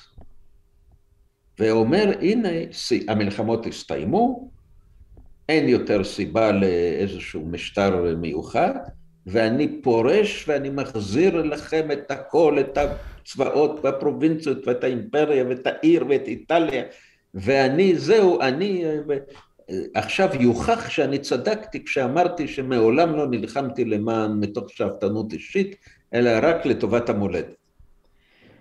ועכשיו המולדת לא זקוקה לי יותר. לא זקוקה להנהגתי, אלא היא זקוקה למשטר, משטר כמו שאבותינו קבעו שהרפובליקה צריכה להתנהל, ו- ועכשיו אתם תראו שלא, תראו הרי עכשיו כרגע זה מיד, מיד ימומש, י- מיד ימומש הדבר הזה. והם, והוא נואם והם מוחים בחריפות ומתחננים שיישאר. כנראה שחלק מהנוכחים אה, ידעו מראש מה צפוי, ואחרים ניחשו. ודרך אגב, רבים מאוד היו מן הסתם כנים כשהם אמרו שאם הוא פורש, המשמעות היא שמלחמות האזרחים יתחדשו. זה גם אם, אמנם יש לו אינטרס, לא ולתומכיו יש אינטרס להגיד את זה, זה בכלל לא אומר שזה לא נכון, זה מאוד סביר שזה כן נכון.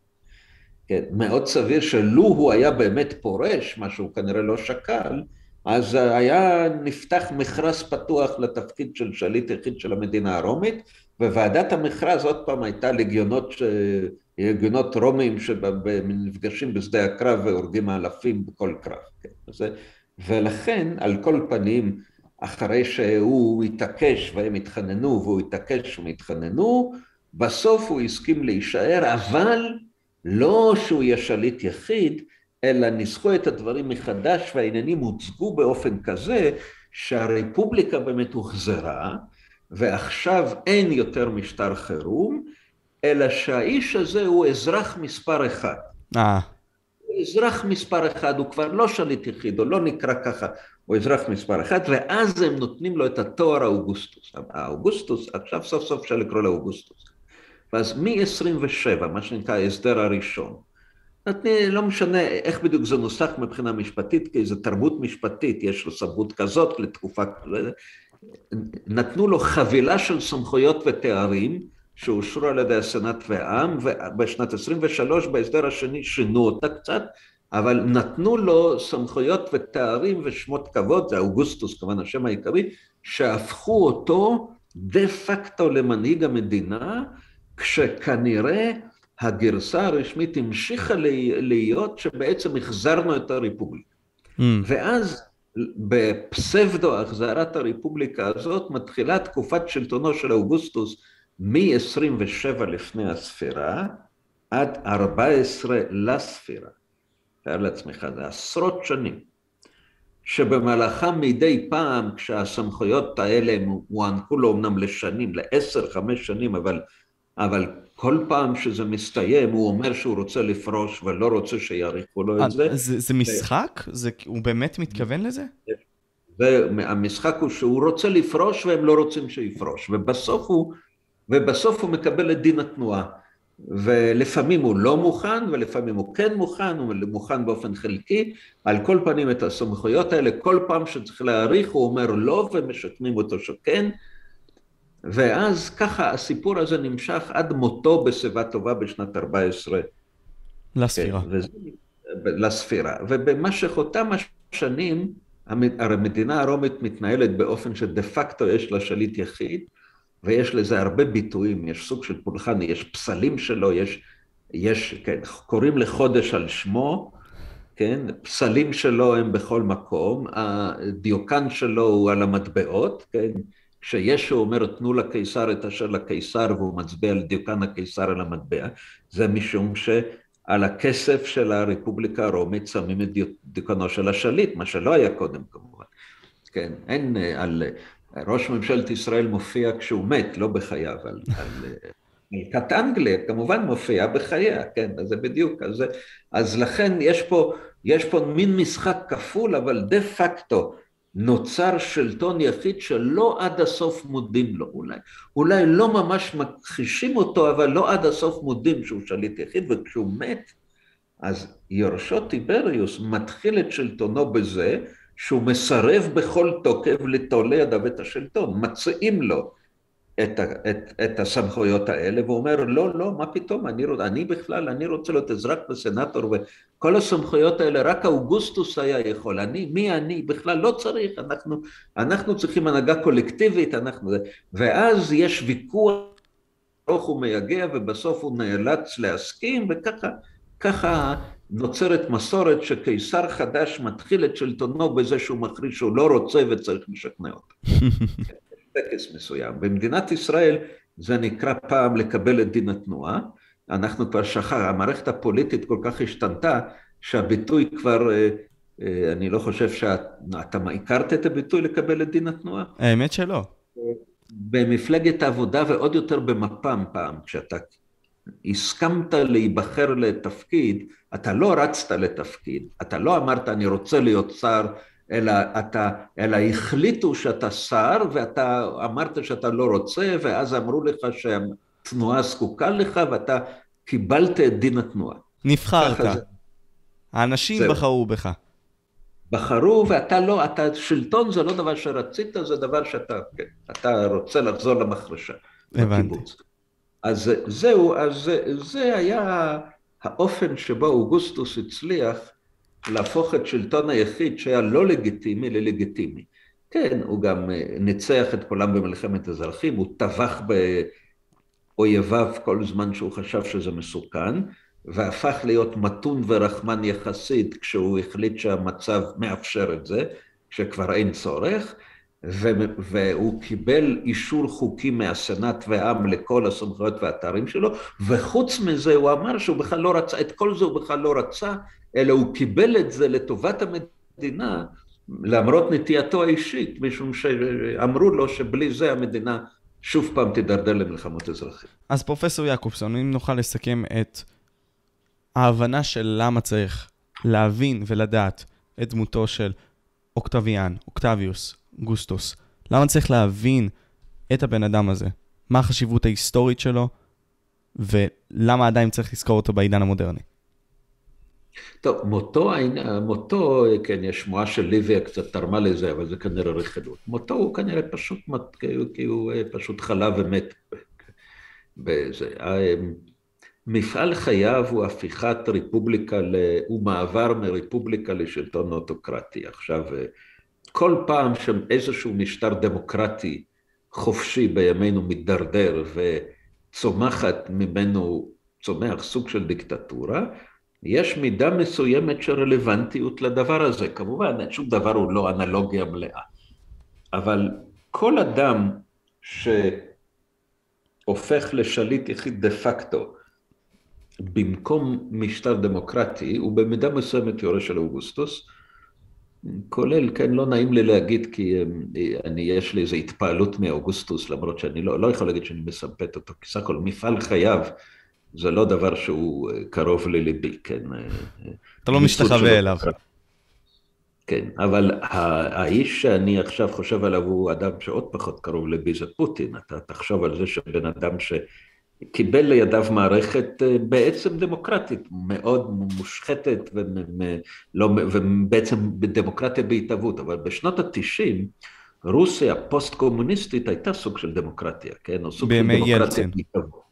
בימי ילצין, ואז הוא נבחר באופן לגיטימי, ואף אחד לא מפקפק שהוא נבחר באופן לגיטימי, ואז גם היו לו מתחרים, ואז יש אופוזיציה ועיתונות חופשית, ובתי משפט אולי עצמאיים, וים של שחיתות, אבל, אבל בכל אופן, יש מדינה, יש מדינה שהיא בעצם בת, דמוקרטיה בתפקיד, בתהליך של היווצרות. והנה בעשרים שנות שלטונו, שבמהלכם הוא מעולם לא הודה שהוא דיקטטור, וגם היום הוא לא מודה שהוא דיקטטור, ברור לגמרי שזה מה שקרה, הוא הפך להיות, כן, סוג של אוגוסטוס, כן, ו, ואגב, גם את הסיפור של סירוב, הוא, אתה יודע, הוא הרי לפי החוקה המקורית שהוא נבחר לפיה, הוא היה יכול להיות נשיא רק שתי קדנציות. עד 2008, ואז המחליף שלו הגיע. הוא התפטר, הוא באמת, אגב, אמרו לו, בסוף הקדנציה השנייה, כשכבר ההיווצרות הדיקטטורה דה פקטו כבר התקדמה מאוד, וגם הייתה לו פופולריות אמיתית, היו עליו לחצים שהוא יתקן את החוקה, הרי אין בעיה אמיתית, אפשר לתקן את החוקה. ואני זוכר שהיה איזה עיתונאי ששאל אותו, מר פוטין, האם, האם לא היית רוצה להיבחר לקדנציה שלישית? והוא אמר, יכול להיות שאני רוצה. אבל החוקה של הפדרציה הרוסית לא מאפשרת את זה. זאת אומרת, החוקה של הפדרציה הרוסית זה מכשול שאי אפשר לעבור עליו. איך ואיך עברו על מכשול בלתי עביר בלי להודות בזה באופן גלוי, עשו את זה באלגנטיות, יש לומר. הוא באמת פרש, ומדוודב, כן, האיש מקורב אליו, הפך לנשיא לארבע שנים, ולאחר ארבע שנים הוא חזר, אבל הוא לא חזר לשתי קדנציות מפני שבינתיים תיקנו את החוקה, אבל לא תיקנו אותה כשהוא נשיא. אתה מבין? מותר לתקן את החוקה, אבל לא כדי לתת כוח לנס, לנשיא מכהן, לא לטובת נשיא מכהן. ככה הוא החליט. ואז תיקנו את החוקה שהיא קודם כל הגדילו את הקדנציות לשש שנים. אז כשהוא חזר הוא נבחר לשש שנים ולעוד שש שנים. אז עוד 12 שנים, חוץ מהשמונה שנים הראשונות. ועכשיו, אחרי ה-12 שנים, אז באמת היו כאלה שחשבו שהוא יפרוש, אחרי עוד 12 שנים. ואיך שלא יהיה, התפתחה תנועה מאוד חזקה בפרלמנט ודרישות מאוד תקיפות לתקן את החוקה כדי לאפשר, לאפשר, לאפשר לו להיבחר לעוד שתי קדנציות. כן? ואז הוא בהתחלה אמר לא, ובסוף אמר כן, כי הוא, הוא הודה, הוא, הוא השתכנע שרוב הציבור, רוב הציבור רוצה את זה, וסך הכל הדמוקרטיה היא שאנחנו נעשה מה שרוב הציבור רוצה, וכולי וכולי, כן? עכשיו תראה, ב- ב- להבדיל אלף אלפי הבדלות, אני לא משווה בשום פנים ואופן שום פוליטיקאי ישראלי לפוטין, כי זה באמת, באמת השוואה לא נכונה, לא רק שהיא לא מנומסת, היא לא נכונה. אבל תחשוב על הוויכוח הזה, על הניסיון להגביל את תקופת כהונתו של ראש ממשלה. הרי הדבר הזה, שהוא אגב מאוד שנוי במחלוקת, ואני כפשוטו, אני לא תומך בו, כי מד... הגבלת קדנציות היא לנשיאים ולא לראשי ממשלה, וזה לא הבדל פורמלי. נשיא ארצות הברית, כן, והיום גם נשיא צרפת, לא יכול ליותר משתי קדנציות. אבל מרקל כראש ממשלה הייתה 13 שנים בשלטון, ואף אחד לא... למה מגבילים אה, קדנציות של נשיא ולא קדנציות של ראש ממשלה? לא בגלל שנשיא זה יותר מכובד, אלא מפני שראש ממשלה פרלמנטרי ניתן להדיח אותו בכל רגע. הרי אין לו קדנציה מובטחת. אתה ראש ממשלה כל זמן שהכנסת לא הפילה אותך, נכון? הוא תלוי בכנסת. בעוד שנשיא, once נבחרת, אז למעט איזה impeachment, מקרים מאוד קיצוניים, בארבע השנים האלה אי אפשר להחליף אותך. Mm. אתה לא תלוי באמון הפרלמנט. וזה ההיגיון שאומר שראש ממשלה פרלמנטרי יכול להיות כמה, ש, כמה שהפרלמנט מוכן לסבול אותו, כי הפרלמנט בכל רגע יכול להפיל אותו. בעוד שנשיא מגבילים את זה. אבל מעבר לפרטים האלה, מה ההיגיון בכלל של רצון לצמצם את מספר הקדנציות? זה ההבנה שיש משהו לא בריא בזה שאדם אחד נשאר בשלטון יותר מדי זמן. זה אה. איך שלא יהיה, משהו לא בריא. ואני גם כן חושב שזה לא בריא, אני לגמרי לא בטוח שאני בעד אה, הגבלה מלאכותית של זה בחקיקה, אבל האינטואיציה של כל אחד מאיתנו אומרת, האינטואיציה שלי אומרת שאם יבחרו אותי כראש החוג להיסטוריה, מה שלשמחתי לא צפוי, ואם אני אשאר בתפקיד הזה שמונה שנים, אז יש חשש כבד שתהיה שם אווירה של שלטון יחיד בחוג. ככה זה, אתה מבין? וראש החוג להיסטוריה זה לא ראש ממשלת ישראל ולא שליט האימפריה הרומית ולא נשיא ארצות הברית. אז אנחנו מבינים שיש, יש, כדי לא להידרדר ל, ל, לשלטון יחיד, אתה צריך גם להגביל את את היקף השלטון, את הסמכויות, כל מיני, כל מיני checks and balances, וגם אולי, יש טענה כאן, בחלק מהמקרים, לפי חלק מהדעות, גם את משך השלטון. גם את משך השלטון, אוקיי? בואו נגיד ככה, שמרקל הייתה בשלטון, אני כבר לא זוכר, 13, היא, היא הייתה המון זמן בשלטון. אבל אם הייתה 30 שנה בשלטון, אולי היינו אומרים שזה בכל זאת אומר שם יש משהו לא בריא בדמוקרטיה הגרמנית, נכון? כן, זאת אומרת, יש איזושהי, אפשר להתווכח, כן? לופ הול כלשהו שנוצר, שמאפשר לה להיות בשלושים שנה כן. תיאורטית. באופן טבעי, כשאדם אחד הוא כל כך הרבה זמן, אז כל, כל, כל החישובים של כל הגורמים הם מניחים, אתה מבין? האדם אפילו מאוד חזק, שיודעים שתוך כמה שנים הוא כבר לא יהיה שם, אז אנשים הרבה יותר חופשיים בלקבל החלטות, כל מיני גורמים. כולל למשל גורמי אכיפת החוק, המשטרה, הפרקליטות, בתי משפט, אה, אה, אדמיניסטרציה, פקידי מדינה, אה, גורמי הביטחון, כן? למשל במדינת ישראל אחת הסיבות שעשרות שנים אנחנו לא שומעים שמנצלים את השב"כ, כן, יש טענות כאלה, אבל הן לא רציניות, מנצלים את השב"כ אה, במאבקים פוליטיים פנימיים, כן, נגד האופוזיציה נניח. זה שאם אתה ראש שב"כ היום במדינת ישראל, אתה לא רוצה, אה, לא רק שאתה יודע שאסור לך, לא ראוי, אלא אתה עושה חישוב, אתה אומר, רגע, למה שאני אפעיל את כוחי כדי לשרת ראש ממשלה? בעוד שנה, שנתיים, יריביו הפוליטיים יהיו בשלטון, הם ישאלו אותי, כן, הם יתחשבנו איתי, למה?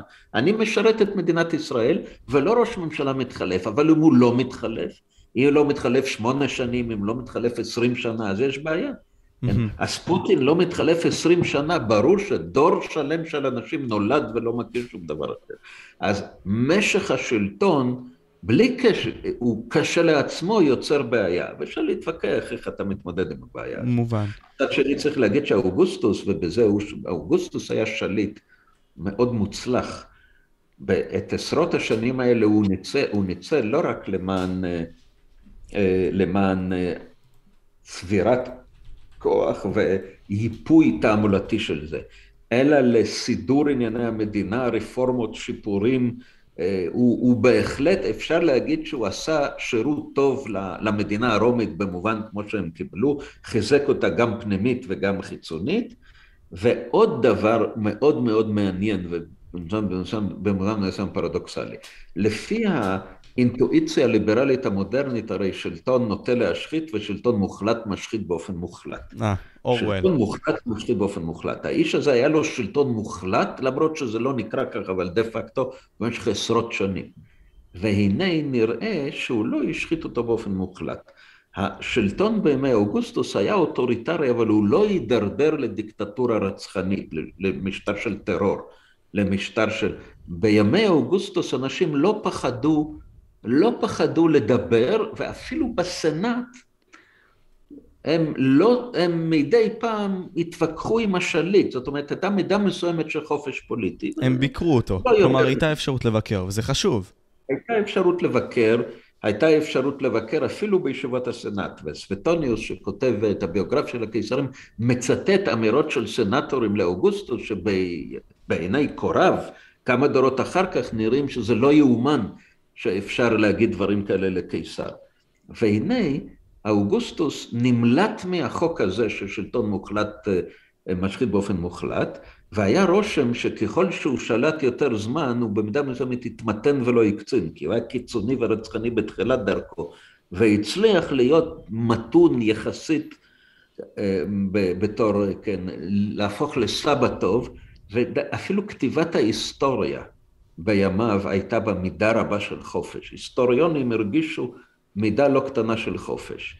אז אפשר להגיד מצד אחד שהוא סתר את החוק הזה, מצד שני, העריצות שלא התרחשה בימיו, או שהתרחשה באופן מתון, התרחשה בגדול בימי יורשיו, מי טיבריוס ועוד יותר קליגולה, כן? כי אחרי אה, טיבריוס בא קליגולה ולא צריך, אומרים קליגולה ומיד חושבים על טירניה מטורפת ועל אדם צעיר שעולה לשלטון בגיל 25 והוא פשוט ברור לגמרי שהוא לא, לא עומד. לא בנוי לזה. לא אצלו באמת שלטון מוחלט משחית באופן מוחלט, ולכן הסיכום הוא ששלטון מוחלט משחית באופן מוחלט זה לא חוק טבע, זה לא משפט בגיאומטריה שהוא חייב להיות, כל משולש ושוקיים הוא, אה, הוא זוויות הבסיס שלו שוות במאה אחוז שלהם, זה לא ככה, אבל זאת נטייה, ואם יש אדם חזק שהשקיע מאמצים להימנע מהדבר הזה, הוא יכול להביס את החוק הזה, אבל בסוף אם לא בימיו בעיני בנו ו... או בנו המאומץ ו... ובעוד דור, זה יכול להשתנות. הדבר הזה מאוד צפוי שיקרה. חשוב לי שניכנס לדבר האחרון אצלך. אתה חקרת את ההיסטוריה ונכנסת והבנת הרבה מאוד דברים מעניינים, אני מניח, בין אם זה על אנשים מעניינים, בין אם זה על אנשי העם, שליטים וכולי. מה הדבר הכי חשוב לדעתך שלמדת בהיסטוריה, פרופסור יעקובסון? לדעתך. אני אגיד לך, לא, זה אם אתה מצפה ממני עכשיו לאיזה לקח היסטוריה מרכזי, אז אני לא שם. אני הייתי אומר משהו כזה. מישהו אמר שהדבר היחיד שההיסטוריה מלמדת זה. שאף אחד לא לומד ממנה שום דבר, כן? יש אמירה כזאת, אבל אני אגיד לך משהו אחר, והוא קצת נותן תקווה למי שאומר שכדאי ללמוד היסטוריה כדי שזה יהפוך אותנו ליותר חכמים כלפי עניינים אקטואליים. כי זאת השאלה, האם אתה לומד היסטוריה מתוך עניין אינטלקטואלי, או מתוך ניסיון ללמוד ממנה משהו רלוונטי לימינו? אני אומר ככה, הסיכוי, כשלומדים היסטוריה, כשמתעניינים בהיסטוריה, יש סיכוי אולי, אולי, ללמוד ממנה לקח רלוונטי לימינו, משהו שיעזור לך, זה מה שאנשים מקווים, כשהם ידעו היסטוריה זה יעזור להם לטפל יותר טוב בהתמודד... כשהם מתמודדים עם, עם בעיות שיש להם תקדים היסטורי. יש סיכוי כזה, אבל מותנה בזה שכשאתה לומד היסטוריה אתה לא עושה את זה בשביל זה. אתה לא לומד היסטוריה כדי להפיק ממנה לקח, אלא אתה לומד היסטוריה כי אתה מתעניין בהיסטוריה, ואגב כך עולה אתה לומד משהו משהו מועיל. למה? זה מאוד פשוט, זה לא איזה חוק טבע אלא זה מאוד פשוט. אם אתה לומד היסטוריה כדי להפיק לקח פוליטי, אם אתה לומד עכשיו היסטוריה רומית כדי לדעת לאיזו מפלגה להצביע ואם אתה צריך או לא צריך להחזיר שטחים וצריך, ביבי, כן ביבי או לא ביבי, כן? אם אתה, אם אתה, ועם זה, עם הרצון הזה אתה הולך ללמוד היסטוריה, מה שיקרה לך זה שאתה תלמד היסטוריה בהתאם לאג'נדה הפוליטית שלך. אתה תרצה למצוא בהיסטוריה, בעבר, אישור למה שאתה מלכתחילה חשבת. וואו. כי הרי אתה לא לוח חלק, אתה, אתה הולך ללמוד היסטוריה כשיש לך, אתה כבר יודע אם אתה בעד ביבי או נגד ביבי, והאם ביבי זה דומה לקליגולה או, שהוא, או, ש, או שבנט דומה לקליגולה, כן? אז כבר יש לך כבר אה, דעה. אז עכשיו מה שקורה בפועל, שאנשים יש להם אג'נדה פוליטית והם באים להיסטוריה כדי לקבל אישור, כדי לקבל אישור למה שהם מראש חשבו, והם תמיד ימצאו. אתה תמיד תמצא בהיסטוריה, כי בהיסטוריה יש המון דברים, ויש דרכים שונות לפרש אותם, ודרכים שונות להעביר קווים של השוואה ואנלוגיה מעבר להווה. ולכן מי שהולך להיסטוריה מתוך כוונה כמו שפעם היה ויכוח, פעם היה ויכוח על מרד בר כוכבא, האם מרד בר כוכבא זה הרפתקה מטורפת, או שזה דבר שצריך להעריך אותו כמלחמת שחרור לאומית. והיה ברור לגמרי שזה ויכוח על השטחים, כן, על הבניונים וניצים בישראל. אבל מי ש... מי ש... וזה ישראל אלדד הגן על בר כוכבא, ו... ואני זוכר, כרגע ברח לי השם, מתנגד לו, אבל ברור לגמרי, לא אכפת היה מבר כוכבא לשניהם, הם, שניהם יחשבו על כן להחזיר שטחים או לא להחזיר שטחים. אז לכן בר כוכבא רק הופך לאיזה כלי משחק רטורי. אתה, מה שאתה רוכש זה לא הבנה של העבר, אלא רק name חיזוק האג'נדה. אתה יכול לה, לה, לה, להגיד, להביא איזו דוגמה ובאותה הזדמנות להוכיח שאתה אדם משכיל. ובאופן כזה אתה לא לומד שום דבר על העבר, וממילא אתה גם לא לומד שום דבר מועיל על ההווה, משום שהעבר, כשאתה משליך על ההווה, אתה בנית, אתה פירשת אותו על פי. אז לכן, מהפוליטיזציה של העבר וההיסטוריזציה של ההווה, לא יוצא לא היסטוריה טובה ולא פוליטיקה טובה. Mm.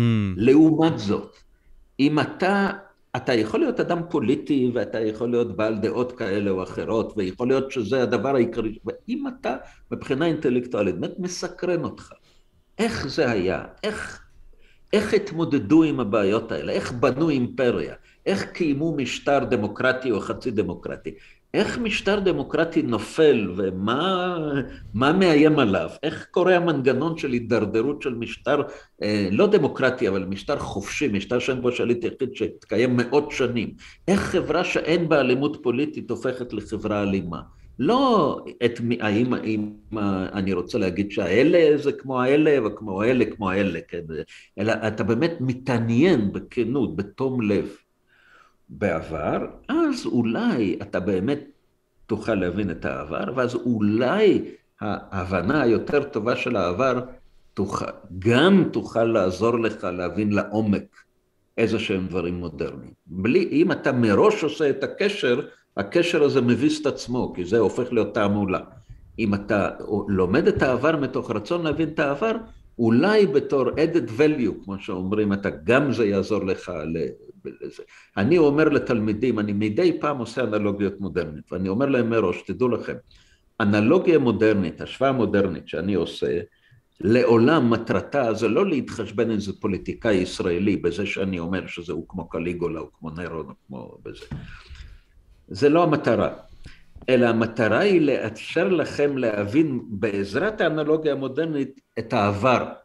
כי אני בכיתה מנסה לאפשר לכם להבין יותר טוב את העבר.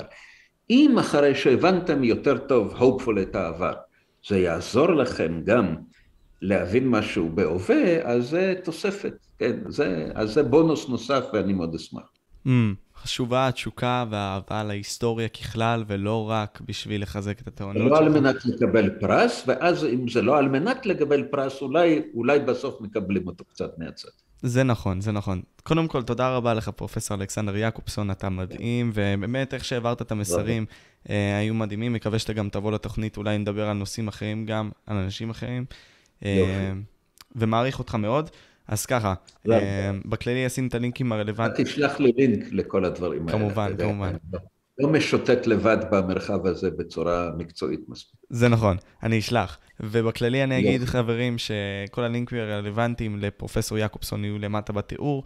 אה, ואני הייתי פה, משה, וויטוק פודקאסט, וזה הפרופסור אלכסנדר יעקובסון. והיינו פה. תודה לך. ביי. תודה לך. הנה,